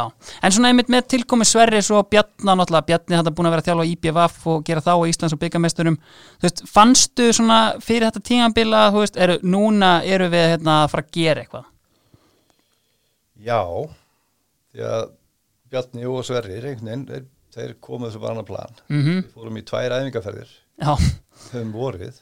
Bjarni vinnur svolítið mikið með það ef, ég, ef ég komist það. það Já, það er aldrei bara, þú veist, maður er aldrei heyrt annað eins. Nei, Og nú er þetta að safna fyrir einni, þetta er að safna fyrir tveimur líka, sko. já, En það gerði okkur bara hrikalega gott og, og meira sér að segja, þegar við förum áfram hann að, fórum áfram í erumkemni í aðra einmitt umferð, Já, þá vinnum við þessast pólslið sem að við höfum síðan áður spila við á æfingamóti eh, á Canella eða, Já, já. eða, eða Kýpur, hvort Já. það er Kýpur og þar vinna þeir okkur 5-0 og við bara góðum allavega í boltan sko. já, fáum það svo í erfkemni, mhm vitum þá eitthvað um þá Já, og nú eitthvað breyting á liðinu samt en ok, við hérna vinnaðum hérna heima og, og gerum svo játtölu úti einmitt ótrúlega játtölu sko. Þetta er einmitt nákvæmlega, þetta er, þarna, þetta er tímabilið 2001, þetta er uh, Pogon Shetsin Já. sem að þið mæti þarna, Akkurat. einmitt, 2-1 sigur heima og síðan uh, Evrópakongurinn í árbænum, Pétur Björn Jónsson sem að Já. setur þarna bara sigurmarkið, glæsilegt mark á 90. myndu Já, akkurat. Við hérna fáum marka okkur bara held ég eftir fimm mínútur. Mhm. Kjartan uh, spilaði þessu örglega landslið með þessu leik því að hann varði bara, ég veit ekki hvað, sko, Já. allt sem bara kom og, og kom ekki, sko. Mhm. hérna, varði þetta allt saman. Og ég var nú á bekknum hann í þessu leik eins og kannski uh, mörgum öru leikjum, en hérna, ég og Pétur Björn kom inn á og held ég bara á sama tíma Já, og við setjum bara allt í sorgna mm, hérna, náðum að tróða inn hérna marki bara á 92. að þriði myndir sko, já, komum það langt já, og við áfram í Örupkjöfni Mm. hérna, svakalegur í rauninni sigur eða sérst að komast áfram hérna einmitt og líka þetta bara lið- einmitt, já bara var ríkalega gott lið sem Já. hún spila við einmitt, og líka bara einmitt svona svona kannski, þú veist, svona kannski hámarkið á því sem að þið eru búin að vera að gera þú veist, að því einmitt eins og komi, um Markov kom inn að, hérna, jójó, fjölskyldu klúpur farin að vinna hérna, leiki í Európu ég meina Já. þetta hljóta hafa verið svona þú veitir enda kannski svona aðeins kannski svona eftir 2000 og eitt eitthvað svoleiðis, svona aðeins fann að dett út úr liðinu en þú veist, samt alltaf jafn sætt bara sem fylgismæður í rauninni að Já, já, ég myndi segja 2000 árið hafði svona verið mitt ja, svona með því besta Já. árið mhm, eh, 2001, 2002 þá var ég farin að detta eins út og, og er bara inn og út Já. einhvern veginn og meira kom bekknum já komið svolítið í Mikaels hlutverkið þannig Já, já. það greinlega var ekkert mín sterkasta hlið þegar ég skoraði ekki mark það er einmitt málið sko. skoraði ekki mark eh, sko síðasta markið mitt var í 2000, árið 2000 rétt. í júli já, þá skoraði ég sko með hjólasspinnu það tek mikið á þetta hjólasta múti stjörninni sko. já og, ekki, og, og skoraði ég bara ekki Þetta er einmitt Þetta eru nákvæmlega, já, þetta er einhver, af því þetta eru sko, þetta eru kringum hundra mörg í Íslandsmóti og, og byggar, en nákvæmlega, þetta er ekkert síðustu fjögur árin. Kanntu einhverja skýringu á þessu, eða ég- varst að færast ég var eitthvað bara- aftar, eða? nei, nei, nei, ég var, þetta var kannski eh, svona komin svona, ég var hann 30-31 tveggja en Já. það er kannski engin aldur í þessu en eh, ég var bara frá tett úr liði og, Já, og að mér fannst náttúrulega ósagjart já, já, sérstaklega 2020 þá er ég bara í flottu formi mm Mhm. -hmm. standi, ég er svona undirbúrstiplunum mm, og eh, byrja svo ekki í fyrsta leik sem við vinnum auðvöldlega og þá náttúrulega er ekki Já, já. næsta leik og, nei, nei, já. Var Bjarni ennþá þjálfleiku þarna? Nei, það var aðastætt Vílu Já, já, já, tók við okkur hann 2002 já, en svo þetta, við fyrir aftur í 2001 þá Já. náttúrulega er þessi erfukefni hérna og við já, við erum kannski alltaf komin á það að hérna við erum alltaf efstir og við erum bestir hérna spilum við val síðasta leik fyrir fyrir Vestlurmarelgi já, við erum með þryggjast í að fórstu á, á toppnum og öllu jöfnu hefðum nú kannski átt að að bara klára það mót já, já, sex leikir eftir Einmitt. eða hvað það var og, og klára það en við einhvern veginn náðum að tapa þeim öllum já, og bara nokkuð samfara ég er svona kannski aðeins kenna þá Evrópakeppni og, og byggar kannski um að Já. það var álægi var bara svolítið mikið mhm, og við einhvern veginn löðum allt í Evrópakeppnina já, og byggarinn kom svo bara, eh, jú það var bara bónus mhm. en það hefur örgulega haft einhver áhrif á, á deildina sko.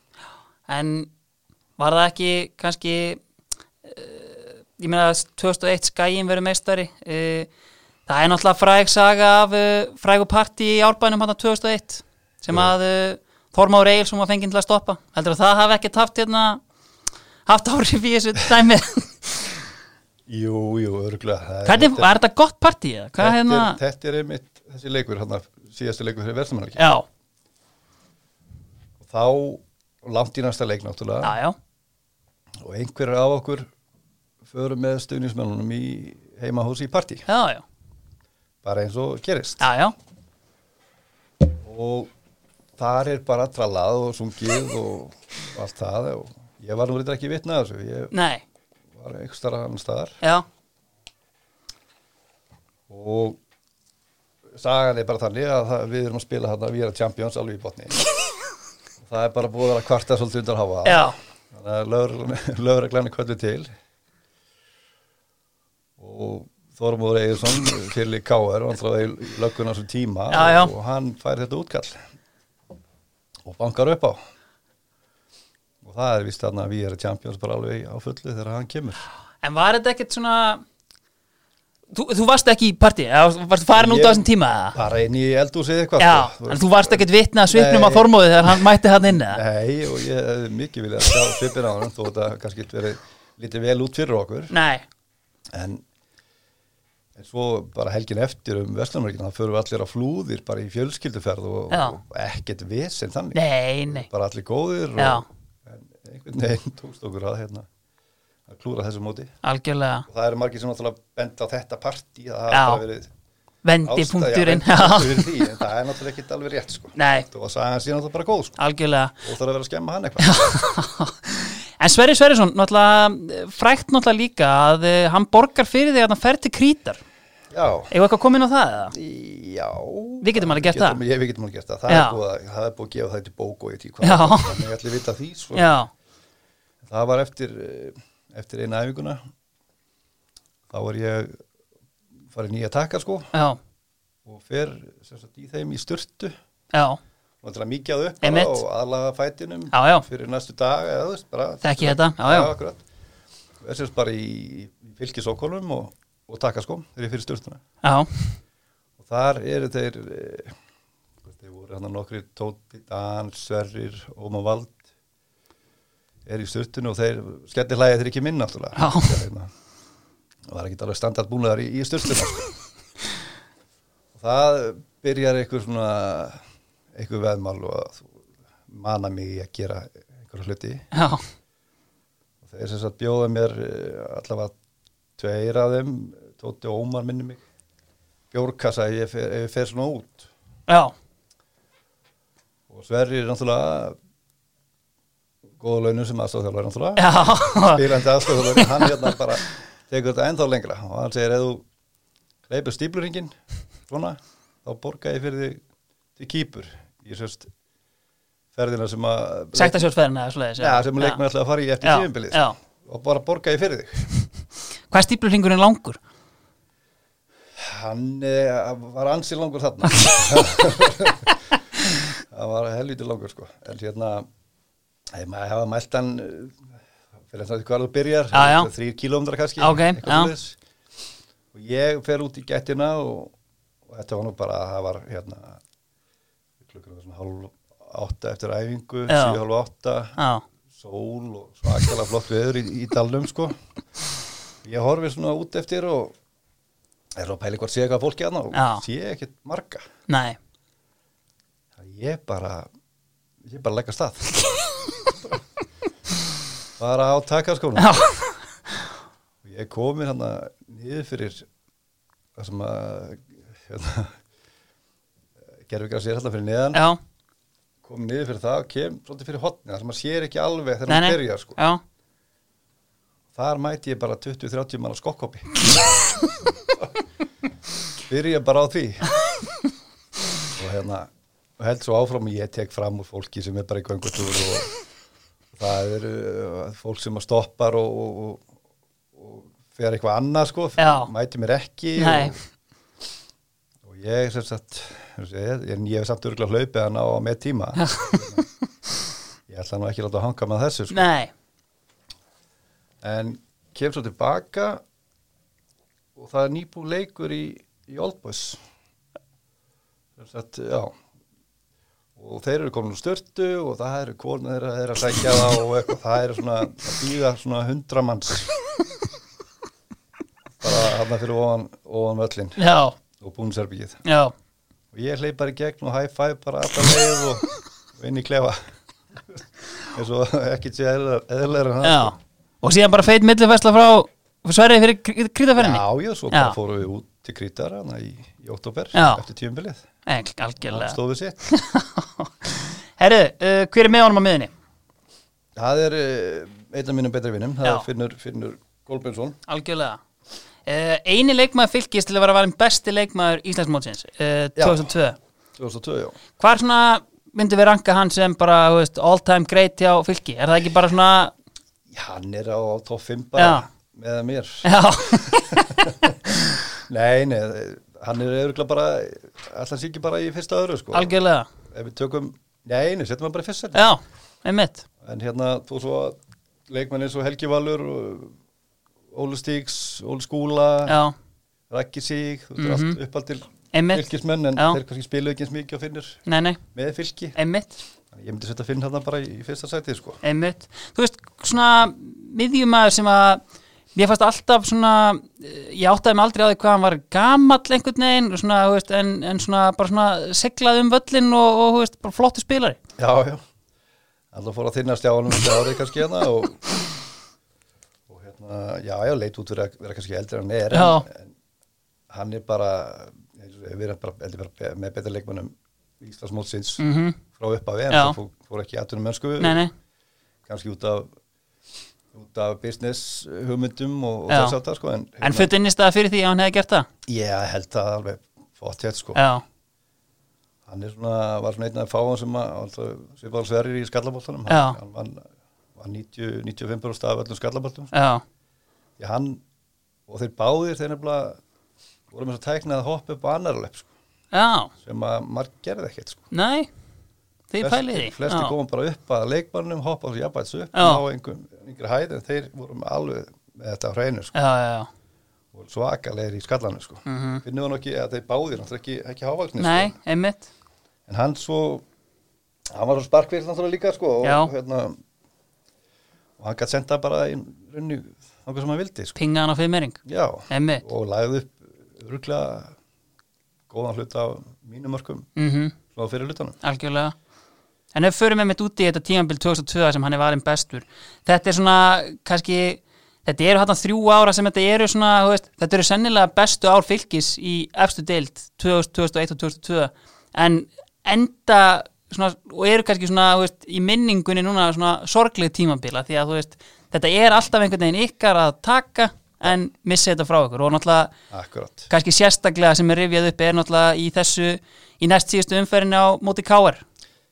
Já, það er nú meina að við höfum, höfum nú gert allt sem við gátum og hefðum í raun nátt skilið að vinna þann leik. sko. Já, það er hann að líkamsára frá Kristjánu Fimboða sinni Það er alls konar, alls konar árásir Já, og menn með guðulspjöld sem að taka tæklingar sem hefðu jafnveld í þraut beint. já, Kristján Fimbo tekur Stengri Jóhansson heitinn já, bara með dvílíku karðspakki sko, það maður bara alltaf sé hana eins já og það var eitthvað ekki, það var eitthvað búið að flauta þá, þannig að Eitthvað, bolti var ekki í leik eitthvað mjög skrítið í gangi þá er þarna, það já. vist allt í lægi þú Já. getur bara gengið næsta mann og ja, gengið frá honum bara Já. því að boltin ekki í leik Já, En það var eh, Gylfi Óra, Órason hérna, stór vinnur árbæðinga sem Já. að, hérna, dæmdi þennan leik og já, þetta er einmitt svona, þú veist, að því að ég minna ég á nokkra vini hérna í kringum fylki og þú veist, þetta er eitthvað sem situr vel í fylkismönnum, þessi leikur já og ekki skrítið og kannski Við síðan, hefur síðan bara kannski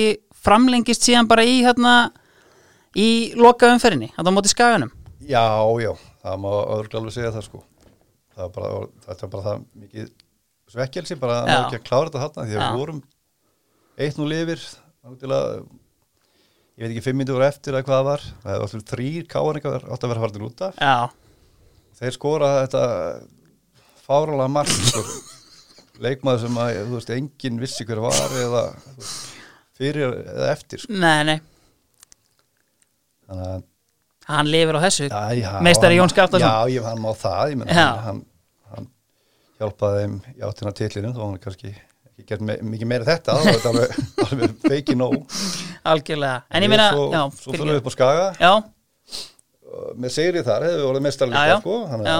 þetta var alltaf í okkar höndum já, en Óli Þórða var komið þangað með það já jafnvel, þú veist, þótt hann hafi verið góð, alveg góðu vinnur okkar og allt það, þá var hann ekki að fara að tapa þessu leik, sko. Nei. það var bara ekki séns sko. nei, og ég er semst er á bekknum, mhm, eins og í káleiknum ég hérna, fór nú aðtöða það ég fór ekki svona inn á í káleiknum sko. nei, einmitt ég einhvern veginn fannst, fannst ég alltaf að ég hef átti eitthvað þátt ég að spila eða þú veist, já. spila einhverja mínútur eitthvað en Mhm. það var bara ekki neitt nei, þannig að, já, svo er ég á bekknum og þetta búið skaga Eh, þeir skora fljótlega eftir hálfleik minni mig mhm og ég er að hýta hana, ég byrja að hýta í hálfleik og bara eins og í Greiklandi um árið Já, akkurat og er hann að hýta fyrir aftan hann að markið og, og svo sé, heyri ég einhvern einhvern hérna, niður í loftinu og þá er það bara þyrla að koma að maður já, ég er alveg fatt að ekki alveg strax hvað, hvað var að maður vera, hann þurfa eitt núl undir og vorum ekki með titilin í höndunum þá nei, en svo skora skæin bara á sama tíma annar markið já, þá horfi ég bara eftir þyrlunni já snýrum við og, og fyrir vesturbæin sárt moment, Já, það var bara heyrir jafnvel ennþá þyrlusbaðana þegar þú fer að Já, sofa, já, já, ég vakna oft upp við þetta sko. nákvæmlega en ég mynda á þeim nótum, kannski svona uh, lengjan, þeir hafa verið að spyrja viðmælandur úti í svona eftirminnilegustu leikina og ef við förum kannski í kannski svona eftirminnilegustu svona gleðileiki eh, uh, einhver svona sem að poppar upp í hugan hjá þér Já, sko, ég eiginlega samt fyrstu leikin sem kom upp í huga voru eiginlega þessi leikin Já. sem við erum búin að tala um Þú veist, K.R. Skæin, Olympiakos Já. það hérna það tímabil já, en uh, markið, fyrsta markið mútið K.A. náttúrulega Já. fyrsta markið mestarlóki mhm, en þetta stendur alltaf eftir F.A. leikurinn og já markið, markið algjörlega, það sko já, í bóði lengunar eftir minnasti leikurinn ef við færum okkur þá bara hérna upp í uh, já, svona þetta þryggja manna sóknar tríó, uh, tveir fyrir aftan uh, bara ræður á konum það byrjar Já, ég ætla að setja kjötinamaninn frá Selfossi já, hann Sæfa Þór, Já. Gíslason mhm hann kemur þarna 2000 og eða 2000, kemur úr ír já eftir að þeir falla uh, 98, allan ekki verið byrja 99 já, geti verið mögulega tók hann eitt ár með IR samt í fyrstdeldinni, þetta er annarkvort 99 eða Já, 2000 já, já, já, já, já. já, svona þú veist gæi sem hafa búin að raða inn í, í hérna, í uh, neðri deildunum og átti fint síson eða með IR í efstu deild Já, já. uh, svona ólíkinda tóla að koma inn í búniskljón já, já, ríkilega hress og skemmtilegur Já. strákur sko hérna. og á vellinu var hann það var engin fljótari held ég sko. nei, og þó hann hafi verið fljót þetta fljótur þá gæti hann samt alveg eh, tekið bolta með sér sko Já. hann, átti nú að- hann gat alveg svo sem glemt honum örgóri bara hvað hann er svo fljótur já, en það var svakalega, svakalega flott að hafa hann með sér já, og fara upp kantinn og gefa fyrir eða hvað var eða, eða, eða splundra vörninni og, já og svo náttúrulega skora hann fullt af markum algjörlega ríkala hérna markhæpinn og bara flottu leikmaður sko.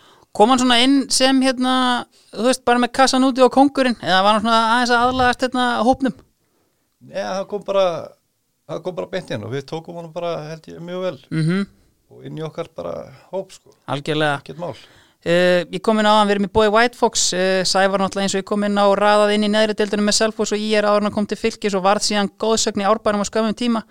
Uh, í vítakeppninni í byggarústunum móti Káa þá uh, skoraði hann uh, og lifti upp fylgistregin til að sína stúkuna að hann væri í Selfoss-treyju innanundir og fyrir þetta múf þá hlýtur Sævar Þór Gíslason refur draumaleiðsins hjá Kristni Tómasin í bóði White Fox og Skröf. Sko, ef við förum bara út í þessa, þessa byggarleiki, ég meina þetta lítur að vera fyrsti byggarústuleiku fylki svona 2001 á móti Káa já, uh, þú kemur inn á, er það ekki rétt sem er? ég, já, já, eins og kannski ofta ára þessum árum þá hérna var ég að koma svolítið inn á Já, og það, er, ég var nú að sjá, ég sá hann að leik bara núna um daginn það voru síðan- einmitt, já, síðan- ég tjekka hún líka Ég myndi ekkit eftir honum en ég held, ég held að ég hef ekki, ekki getað raskat og ekki neitt en ég var bara, ég var með að stjána nokkuð góð Já, já, og fekk hann að þessar, þessar 30 mínútur sem var alltaf leiknum Já. og svo náttúrulega framlengingu já, já, en við svo sem náðum ekki að, ekki að vinna í framlengingun en unnum hann í Vító marg endur teknar vítaspinnir hérna Já, já, ótrúlegt í raunin að sjá markmann Káa sérstaklega hérna, já hann hljópið yfirleitt bara út á út á út sko. Það var svona- en hérna og ótrúlega Þorvaldur Ör, Örlis klúrar reyndar en, Já.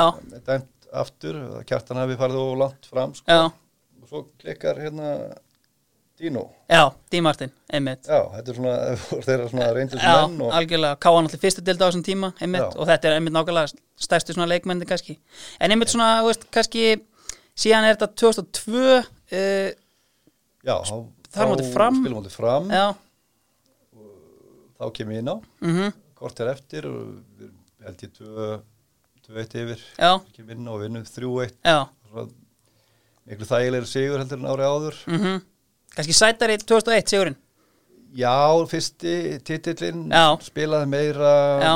gerði meira, þeim fannst fyrir utan það að taka ekki náttúrulega víti sko. Hvað hérna, ég er mitt svona velti því fyrir mér svona, ég var að horfa á þessa keppni á þenn daginn sko, að Já. hérna, ég er aldrei að fyrsti maður á blaði í vítakeppninni hefði verið Kristinn Tómasson já, já, þú hefði svolítið mátt að, átt að vera það og, og finnur Kolbens Já, já, vá tökum, tökum hvoru sko viti og við einhvern veginn þetta var allt eitthvað svo orðið og eitthvað svo stort Var búið að ákveða fyrir hverju tæki víti, eða Nei, var þetta nei. bara, þú veist, eru, hverju eru klárir já, það var í rauninni þannig Já, ég ætla að byrja á bekknum, þá hef ég kannski ekki verið sett beint, í- beint, beint, beint í viti sko, Nei. en hérna það var einhvern veginn, okkur fannst þetta svo yfir þyrmand og stort og mikið og Mhm. ef við myndum klikka já, fyrir uppeldisfélagið Já. þá, þú veist, getum við aldrei náð okkur eftir að, Já. að ég veit ekki nákvæmlega, get ekki alveg lýst þessari tilfinningu en Hann er betra að setja bara utanbæja mennin að hafa punktin Já, já, kannski, menn að maður Mhm. er svona ekki eins mikið á, kannski á þeirra bakki Nei, nei, já, og Sverri tekur viti, Sæfa tekur viti, já, Gunni Gunnar Þór Þór tók verið já, að reynda viti já, sem að kom svolítið óvart en hann, hann, hérna, hann þurfti að taka það líka aftur og Já. svo tundra hann eitthvað og hann Já. bara átti bara að vera sko. algjörlega Hver er með uh, Sævari þarna í uh, uh, já, hólunni? Já, það eru þessi tveir hérna Já. framar sendirinn, það er hérna, það kemur kannski svolítið óvart Kom mér mikið óvart Já, Já, og hann er örgulega búin að ef hann er að hlusta á þetta einhvern mann þá er hann örgulega búin að hérna, fussi yfir því að hann sé ekki í liðinu mínu það er Þórhildur Dan Jóhansson já Einmitt ef við komum inn að bara á mínum tíma þá er Þóraldur Dan alltaf ekkert annað en hafsend uh, já og bara þrælgóður Algjörlega, einmitt Alveg svakalega góður og svona, einmitt, en, en ég tók eftir að þetta er eitt tímabilat í fyrstu deildinni það sem að þið, bara si- sitt hvort 15 mörkin eitthvað svoleiðis já og við náðum bara það vel saman frammi já, að ég vil bara setja hann þarna já, einmitt en hann er náttúrulega bara góður í fótbolta Já. hann er bara góður í fótbolta og hérna með hraða náttúrulega já, til að byrja með mm, og hann hafði nú eitthvað eitthva, eitthva hekst á honum síðust árin en hann, hann var alltaf nógu fljótur og bara því að hausina hann var það góður bara að mm að hann átti eftir hann átti eftir að geta, geta eftir vittlisun eftir Gunnar Þór þegar hann var komin og langt fram bjargaði vinnu sínum sko já, hann bara, eins og við, hann var bara það góður að hann þetta var lítið mál fyrir hann sko. svona gæi sem að, þú veist, hérna, kemur í vittulum, veist, talar mjög hátt svona mikið presens, svona, þú veist keiri menn áfram inn í klefunum Já, já, hann átti nú til að tala kannski aðeins og mikið sem sko. kom okkur svolítið í vandræði með því Já. sérstaklega eins og fyrir leikina múti skaganum hann já, þyrlu, þyrluleikin já, já, þegar hann sagði að við ætlum að fara upp á skaga það var ekkit máli, fara upp á skaga til að vinna sko. já það var, var til þess að Óli Þóra spilaði þetta vital 20-30 sinnum fyrir leik og og var, e- var fyrir enginn upp á skaga til að, til að vinna nei, Já, já, hann náttúrulega, já, já, var bara léttur og kátur og Já. hann sagði bara hlutina eins og þau voru og algjörlega já, hafði gaman að, að, að fara í viðtalið. sko. mm aðeins reynt fyrir sér í þjálfun uh, var það að þú sást eitthvað fyrir þér í honum Nei, nei, ekkit, ekkit þannig en ég skilaði mjög vel að hann hafi farið út í þjálfum bara því hann, hann er góður í fótbolta algjörlega og, og hérna var alveg með já, svona fótbolta þjálfara gen eða hvað það var Já, sko, bara, já, algjörlega sko mm, Tóti Dan fer hérna held ég í fram hérna á einhverjum tíðanpunkti og ég með það gerir þú líka Nei, hann, já, hann byrja nú að fara í káver K.R. já, hver K.R. 97 Já, og svo fyrir hann til væli Danmarku og kemur sér aftur til okkar ef við komum aðeins inn á það ég meina þarna 97 tímabilið þá fer Tóti til K.R. Já. Uh, finnur fyrir leiftur Já, og eftir situr Kristinn Tómasson í fylki og meira, meira sem það Gunnar Þór hættir já Það tekur sér bara frí En þarna er, ég sá eitthvað að hérna, uh, þinn gamle vinur Gummi Torfa var eitthvað að gauka eða hérna í Grindavík. Já, sko, þetta er tímubilið sem að Alli Eðvars tekur við okkur Já, og Búbi bróðir er hann með honum eitthvað og, og gekk ekkit allt og vel það ár eh, við erum með tvö stig eftir fyrirumferð já, bara hefnir að við erum með tvö stig já, en vinnur síðan setna umferðina og svona náðum aðeins að bjarga okkur já, og við höfum ekkert farið upp en hérna ég var, já já, ég var bara hann einn Já. af, af, af vinunum hann Gunni Hættur, Finnur Leftur og, og Tóti í Káver já, það var svolítið skrítið og á þeim tíma eh, fer ég að fund hjá Grindavík já, Gunni Tóra var búin að taka við Grindavík Mhm. ára áður held ég og, og sá sér leika borði fyrst að ég var komin aftur inn í aðra dild að, að tjekka á mér já, Ég fer á fund með Grindavík og þeir eru hann eitthvað 5-6 og, og ég einn og, og en það endanum bara semju við, munlega Já. að ég sé bara koma til Grindavíkur emmitt, svo bara heyri ég ekkert frá þeim næstu daga eða viku eða hvað það var sko, og frétti það svo að þeir eru hætti við og svo fá hann að góða við minn Tómas Ykka Tómasson í staðinn já, emmitt, Ma- var allt í lagi og ég, ég var ekkit kannski ekki aglega spenntur að það þurfa að keira til grindagur æfingar sko. En þetta er svona eins og þú lýsir þessu, þetta er svona þetta er nákvæmlega eins og þetta blasti við mér þegar ég var svona hérna, að fara í gegnum þetta í fjölmiðlum að því það er bara svona, það er talað um þetta bara, já, heyrðu, hann er bara hérna á fundi með Guma Torfa Já. uh, það er bara talað um segjan svona viku setna, það er bara nánast frá gengi að Kristinn Tómasson sé farin í, í Grindavík Akkurat. og sen næsta frétt bara fyrsti leikur og, og Kristinn Tómasson er bara í fylki Akkurat, Já. ja, þetta, var, eh, þetta var bara mjög undarlegt Já, það var búið að semja kaup og kjör og allt sko, það Já. þetta voru ekki háar upphæðir nei, en einhvern veginn eh, og ástæðan var svo að þeir höfðu ekki efna mér já en fá síðan Tómas Inga Já, sem var örglega ekkit ekki ódýra heldur en ég Nei. á þessum tíma sko. Nei, nákvæmlega. Tómas Ingi gerði þetta mjög vel í, í grinda, ekki svo náttúrulega Já, já, já. algjörlega. En, hérna, en ef við komum mitt í að sko, grinda ekki hefur samband, maður aldrei á neinum öðrum tímapunkti, eða þegar þarna hlýtur nú að hugsa, eru, þú veist, hér eru allir farnir og þú veist, ef maður ætla kannski að þú veist, skapa sér stærra nafn og hérna, þá, þá kannski er tíminn núna til að, hérna, til að koma sér frá fylki. Já, en aftur á móti þeir farnir Já. ekki ég farið líka og Ah. ah. skilja allt eftir rúst það er svona, kannski var mín fyrsta hugsun Rittarlega hugsunin í þessu. Já, já, og kannski hefði maður bara átt að hugsa meira um sjálf og sig og, og fara eitthvað annað Hefur þú einhvern tíðan oft pælt í því kannski ná ferlinum, hugsa meira um sjálfa sig? Já, já, já ég hef svona, ekki kannski á ferlinum en Nei, svona eftir í dag svona einmitt eftir, meina já, ég, ég þegar ég lítið baka þá er alveg fullt af hlutu sem maður hefði kannski átt að hugsa aðeins betur og Mhm. gera þessu öðruvísi sko. Svo ég komið svona, þú veist, endur takkið aftur einmitt svona, þú veist, voru einhvern veginn önnur lið svona kannski á þessum tíma heldur en grindaðeginn í myndinni? Það var nú reyndar uh, fórum ég aðeins að ferð með Guðmund Torfa til Skotlands, Já, spilum við Dundee United uh, varlið hjá þeim já, og ég skora eitthvað þrjú mörg já, og er bara fárunlega góður í leiknum já, ok, og svo hérna ekki meira með það að segja en nei, svo bara nokkrum mál setna þá heyri ég það, já, Dundi United þeir vildi fá, fá þig og einhver óla hana og við höfum aldrei heyrt að því sko. nei, það var bara árum, mörgum ára setna sko. ok, Og þá hefði því bara haldið leindur sko, af félaginu mínu já, algjörlega, vildi ekki missa okkur sko. nei, einmitt, sko, þá er líka einu sinni, þeir höfðu samband Já. já, já, það var hérna ég, ég Hvenær var að það? reyna að rifja þetta upp. Já. ég, ég held að það er verið 2002 þegar, þegar þeir vera mestarar já, ok, frekar en við og þá fór ég nú að fund hjá alla, alla Vílunds já, og var bara ekkert sáttur, ég vildi bara spila meira einmitt, og segi ég honum frá áhuga káur, held ég örglega hafa verið þarna mhm, mm að viljum að þjálfa það, ég talaði nú bara við nafna minn kernisteð sko, Já, á já, þessum já. tíma, sko, Já. ég man ekki hver var að þjálfa nei, en hérna hann sannfæri mig bara uh, að vera áfram og, og ég eftir að gegna stóru hlutverki og allt það sko sem að síðan Kom aldrei var- ekkert sérstaklega á Nei, daginn. nei, Nei, nei, það var ekkert úr því sko nei, en síðan ferðu náttúrulega í fram, þarna 2003, Já, uh, hvað var til þess?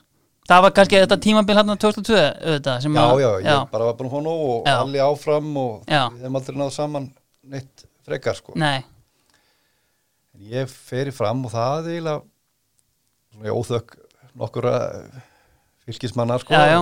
Hérna, Steins eh, bræðra hérna, Halldórs og Haffa Já. Þeir voru alveg brjálaðir sko þeir, þeim er ekki vel við fram nei, en hérna, ég átti rosalega auðvöld með það já, pappi náttúrulega eh, spilaði með fram á sín tíma Mhm. og var Íslandsmyndari Já, já. 71 já, og ég fór á flesta, ef ekki alla leiki fram bara á þeirra svona bestu árum þannig kannski svona second club, ef maður pælir í því já, já, og mér var alltaf vel við fram Já, hvernig var að spila þarna í fram? það gekk ekki upp Nei, sunni ég hérna, við förum í, í æfingarferð til Danmörkur já, uh, fyrir tímbilið og já, já, bara mér gengur vel í Reykjavíkmóti og lengjubikar og allt þetta sko og, og svo komum við heim eftir að hafa verið eftir á grasi, flottu grasi komum heim og fórum að mölina í Saðamýrinni já, sem var náttúrulega með lélæri mölum Já, bara Ah, já. Á, á landinu sko. og ég fæ svo í bakið bara fljótlega eftir að við byrjum að æfa já, og er frá út af því næði mér í bakinu, fæ svo í lærið Já. út frá bakinu vantalega já, já, er smá tíma að ná mér á því en þá fæ ég kálfan já, og þetta var bara svona endalaust hérna, einhver meðisli sem að komu bara held ég úr bakinu já, hérna, já, í upphafi sko. já, Þetta er Ég- náttúrulega ótrúlegt af því að þetta er, þú veist, þetta hljómar eins og þetta sé sko 92 en ekki 2002 þegar þið mætið bara mestarflokku fram á möl. Akkurat Þetta er alltaf bara fárnætt Far í æfingarferð að æfa á besta græs Já. Far svo beint á möl eh, sem er aldrei held í góð uppskrift af Algjörlega. Herru, þjálfun sko en Já. hérna Já, ég kem inn næ ég að koma inn í júli þar já, og spila ykkur 11 leiki já, skoraði ekki þannig að- Nei, nei, eins og hefur komið fram.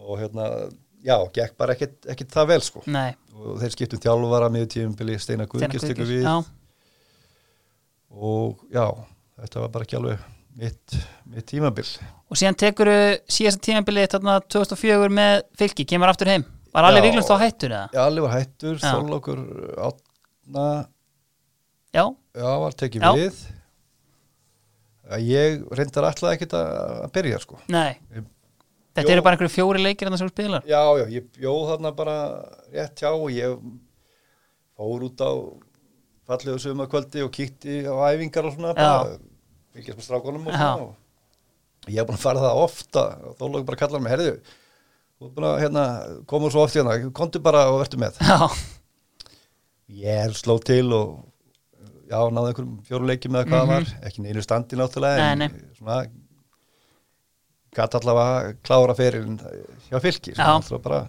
gaman að ná Æðislegt. því einmitt, nákvæmlega. Já, bara ríkala gaman að ná því algjörlega og síðan er mitt svona þú veist, 2004, ég minna þetta þetta ég raun ekki nema 32 ára varst alveg ákveðin bara í að hætta þarna eða? já, ég var eiginlega bara komið nóg já, það var svona þú ert búin að vera síðan að vera átt ára mörgustum í viku öll þessi ár og kemur náttúrulega snemma inn í það er oft talað einmitt um sko it's not the years, it's the mileage hún náttúrulega Já. byrjar að spila bara 17-18 ára bara full season ég minn ég á 15, 14, 15 ári í eftir, Einmitt. eða þessast í mestarlokki Já. ekki eftir nei, í mestarlokki og það, já, það er kannski bara það er ekkit inni fyrir meira sko. nei, nákvæmlega en árið setna kannski þú veist, þá kýtlaði ég aðeins í, já, í mig að fara jafnvel þá bara í aðra deildin mm Mhm. þriðju jafnvel Já. eitthvað svo leið sko. mhm þá meðist ég í, illa í bumbuboltanum Egilur Sverris hérna, hann hérna ekki minn tæklaði mig, en það var til þess að ég snýri mér svo illa á eklanum að ég var frá þá í einhverja mánuði og ég bara, ok, þá er þetta bara En sko, Þóruldur Dan var vissulega ekki uh, sköllandi þegar þú spilaði með honum uh, þannig að hann kannski telst ekki með og ég meina, við erum komin á þann stað að liðið er nánast komið og ég meina, þetta er engin í rauninni sköllóttur kannski í liðinu og ég meina OK Bón sem að massa og kóta Bóna og njóta þeir hafa verið svona grilla viðmælandur um svona uppáhalds uh, sköllóttu samherjana frá ferlinum áttu er einhvern slíkan? Já, eins og þú segir, það er, hérna, voru nú ekki margir sköllóttir þegar ég var að spila. Nei. En kannski urðu það Setna einna með? með einu. en ég spilaði nú með Vartan og Bjarka Já, í, hérna, átjánulandsliðinu. einmitt Tók upp hann að ferð til, til, hérna, Ísrael Já, yfir jól og áramót. já, Spilaði sex leiki þar. Ég, alltaf, ég var alltaf í byrjun lið, Já. þarna, sko. og þeir tvei líka, náttúrulega, og Mhm. sem hefði náttúrulega að vera hátíð fyrir sendir sem ég að vera með Artra Bjarka, þú veist, þeir leggja upp fullt af mörgum. einmitt En Þeir einhvern veginn bara spiluðu bara hvort annan og þeir áttu bara þeir skóra all mörkin og ég maður ekki eins og það að ég fengi færi í þessu móti sko. en En ég ef myndi, ég, ætla að velja, ég get ekki alveg valað millir þeirra sko, Nei. þannig að ég, við tökum bara tóta á þetta hann, hérna, já hann er flottur var flottur sköllóttur Ha, er glæsileg það bara rosalega vel Algjörlega. En ef þú kemur inn á það, einmitt þess að hérna, uh, meina, úlingalandsleiki, ég meina, þú ert þarna, einmitt, þetta Ísraels móti, einmitt, ég meina, og eins og ég kom inn á hann, 72, 73, þetta er mjög góðir, ég meina, þetta er með, einmitt, Þóruð Arnar Bjarka, ég meina, Láris Orri er þarna. Já, já. Uh, síðan náttúrulega, kannski, þú veist, farið ekki kallið upp í U21, stráttur Nei. að vera kannski að raða inn þarna, einmitt, þó þessi í fyrstu deildinni, ég meina, eða annari deildinni þá, ég Já, meina, já. sem kannski hefði alveg átt að talast nóg á þeim tíma, eða hvað? ég, þetta var 21. landslið var alltaf bara vel skipað og Já. það var, mann og ekki nákvæmlega hverja voru Rúna Kristins og, Já. og þessi gaurar sko en já, ég mér fannst ég alltaf eiga alltaf tilkall í það og ég Já. fór nú einhverja æfingar og svoleið já, sko, já, en já.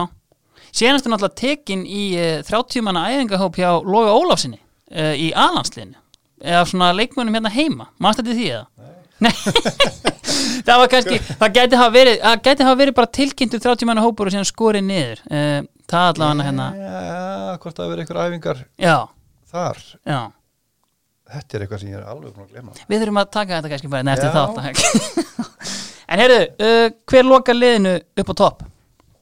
Eh, Það er uh, undrið heitin Einarsson Já, Indriði náttúrulega uh, spila með þér hérna aftur, bara svipað á með Þórhall, ég meina þið spilið saman hérna í annari deildinni 92 og Já. ég meina sér hvar 13 mörkin, Já, hann kemur úr þrótti já, 89 mhm, Þessi inn í annarflokkin hjá okkur já. Það er svona tíma sem við þrýr, fjórir erum að æfa mestarlokki og, og svona komum við eitthvað nála því En við verðum byggarmestarar í öðrum flokki Mm Við vinnum hann að val í ústaleik sem var þá bara skipað allt bara strákum úr, úr mestarloknum Já, sem að var bara mjög góður hérna á þessu tíma mhm, mhm við erum að vinna á 2-1 og við skorum sér hvort markið svo hérna dettur hann inn hérna 90 1990 mhm, og er með okkur hérna alveg til 92 Já, komumst upp saman mhm, og hann fer sérst í Möldu mhm, og verður svo brákatu þar mhm í nóvumber held ég Já. 92 þetta var svona hann var bara ríkalega öflugur leikmaður mhm, sterkur, fljótur uh, já, kunni, kunni leikin skallamæður, alveg þvílíkur skallamæður mhm, og bara metnaður og, og læti mhm í honum sem að hefði fleitt honum alveg ansið langt sko. Það er einmitt það sem að maður les svona helst einmitt, þú veist, svona, þú veist góður, svona, jákvæðist, djöfulgangur svona, sem að, hérna sem Já. svona kerði bara liðið og, og almenna stemmingu upp, og maður var oft bara skítrættu við hann sko. algjörlega og létt mann heyra það, hann var Já. Mhm. nýkomin eða hvað það var sko. hann bara kittið tóm, það skipti yngu máli að ég fekk þvílítið að heyra það að ég var ekki að standa mér sko. Já, og hann hefði örugglega náð mér eitthvað aðeins lengra sko. algjörlega og bara blessu sér minning hans Já, og hann hérna, og Alla náttúrulega líka, við minnst það svo Alla Eðvalds. Já, heitinn, einmitt. Mhm. Að hann hérna, þegar hann byrjaði að þjálfa okkur hérna, 97, þá talar hann um það, sko, að Indriði, hann var bara, það var svona eini af þessu fáir sem hann var bara hættu við, sko, í, í loftinu, sko. Já, ok, Hann bara, hann pakkaði það saman, sko. Algjörlega. Þetta engum máli hver það var. já, algjörlega Er þá er liðið komið, við förum bara östnögt yfir þetta Í markinu Kjartan Sturluson, uh, þryggjamanna varnalína Ómar Valdimarsson, Óli Þóruðar og Hrafkell Helgason uh, Kantmenn Baldur Bjarnarsson og Gunnar Þór Pétursson á miðjunni uh, Sverri Sverrisson og Finnur Kolbeinsson Fyrir framann þá uh, Refur Draumaleisins, Sævar Þór Gíslason og Þórhaldur Dan og upp á topp Indri Einarsson Hver myndi þjálfa þetta lið? Það er Bjarni Jó. Það er Bjarni Jó Já, Já, já. Þegar hann tekur við okkur í annarskiptið. ekki hérna 94 Nei, Bjarni það, hann var ekki alveg tilbúin þá Nei. allir, en, en hann kemur bara með nýja ströma og, Já. og stefnur og, og er bara mjög flottur og það er ekki langt frá því að gera okkur á mistur Nei, nákvæmlega uh, Kanski svona einmitt, Móla Þórðar sem aðstoðar. bakkum það er einhver að hérna, það er einhver að púla mokka síðan þeim að og smára Lúðvíks í liðstjórunum Ó, smári. En einmitt, þú veist, Bjarni, svona, þú veist, menna, hann er ennþá að þjálfa í dag, bara, þú veist, massífur eldmóður og, og svona, hvernig, svona, hvernig þjálfari er Bjarni, þú veist, er hann taktískur eða, þú veist, hérna, Já, sko hann var í fyrsta skipti sem ég einhvern veginn skildi taktik eða Já. sko, það var eitthvað svo einfalt hjá honum mhm, allt uppspil og jafnvel bara yngvöst, þetta var allt Já. hérna, þaul plana, já, já, þöl planað og við mistum aldrei boltan Mhm. eftir yngast Já. fullt að liðum gerir Já. það, það er alltaf hent bara eitthvað og 100%, svo já. bara missaði boltan Já, Mhm. já. En við heldum honum alltaf, við gafum alltaf unnið unnið okkur áfram og bara uppspila á, á sendirinn mhm, hvernig miðum maður átt að hlaupa mhm, og allt þetta, það var allt bara þölskipulegt en og gekk alveg svakalega vel algjörlega, skemmtilega gæði, já, mjög skemmtilegur já, uh, svona, ef við pælum svona bara út í anstæðingunum, var einhver einmitt eins og allir eða valsrættist Indriða Einars, var einhver leikmaður sem að þér fannst óþólandi að mæta, annarkvort hundleiðilegur eða bara áttir einhvern veginn aldrei upp á gegnunum? Nei, ég hérna hugsaði vola sjaldan um, um anstæðingin, ég Já. var bara meira að pæli hvað ég ætti að gera Já, og svo var það eitt ég lunganum úr leiknum að ég snýr alltaf baki í allt saman Já. sko. ég var bara eitt upp á topp, já, þá við bara skiptingum áli hverja þessu aftan sko. nákvæmlega, en jú, jú, örgulega þeir sem að hlöpu hraðar í þessi voru hansi margir en, en nei, nei, ég, ég hérna var ekki mikið að Pældir ekki pæla því, í. nei. Nei. Og ef við kannski lokum þessu bara á, eh, ég hef verið að spyrja viðmælendur kannski út í svona eftirminnilegustu útlendingana sem hafa komið hérna og orðið á vegi manna. Svona kannski einhver svona eitt sem að, eða kannski einhverjir bara sem standa upp úr svona frá, sem þú kynntist á ferlinum. Já, já, það eru það eru serbarnir tveir sem komu til okkar hana og byggu heima, heima hjá mamma og pappa Já. og mér hana 92 Mm. Það er Mísovits eða, eða- Miroslav Nikolic Mm. Já. og, og Soran Mikovic Já. ekki, ekki leyniskitta heldur, Nei. heldur hinn sko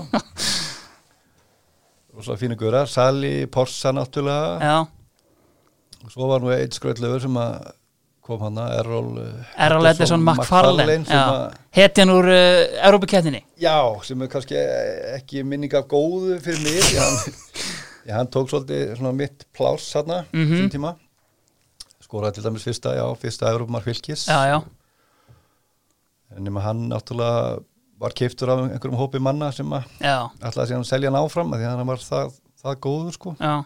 En var hann góður? Af Því að einmitt, Nei, hann var ekkit hann Síðan var ekkit betri en ég eða, Já. eða aðri sko Sér hef ég mitt talað við sko hérna, menn sem spiluðu síðan með honum í breyðablík uh, síðan á ferlinum sem var vist bara gangandi gamanleikur sko að, hérna. Já, já, þetta var sko, hann mætti á æfingar með derhúu Þú veist bara, hann tók hana bara af sig þegar hann þurfti að skalla sko. hann, var með, hann var með hárbust eða svona hárgreiðu einhverja líka oft í, Í- hárinu bara Já, já, bara já, meðan, meðan æfingar voru já, já. og var bara frekar hann var bara latur bara Já. nennti ekkit að reyfa sig og sé- sérstaklega eftir að hann datt úr liðinu já, sem hann hefði náttúrulega aldrei átt að hann hefði aldrei átt að vera í- Vera í. í liðinu, sko. Þannig að ég var svona, þetta er svona smá sárendi kannski uh, að heyra sko já. fyrir mig Mm en svona var þetta bara svona var þetta bara ég heldur séðan tændir Kristinn Já. bara ég vil uh, þakka að kella eh, fyrir komuna í draumalið Takk fyrir mig þér á þess að draumalið í bóði lengjunar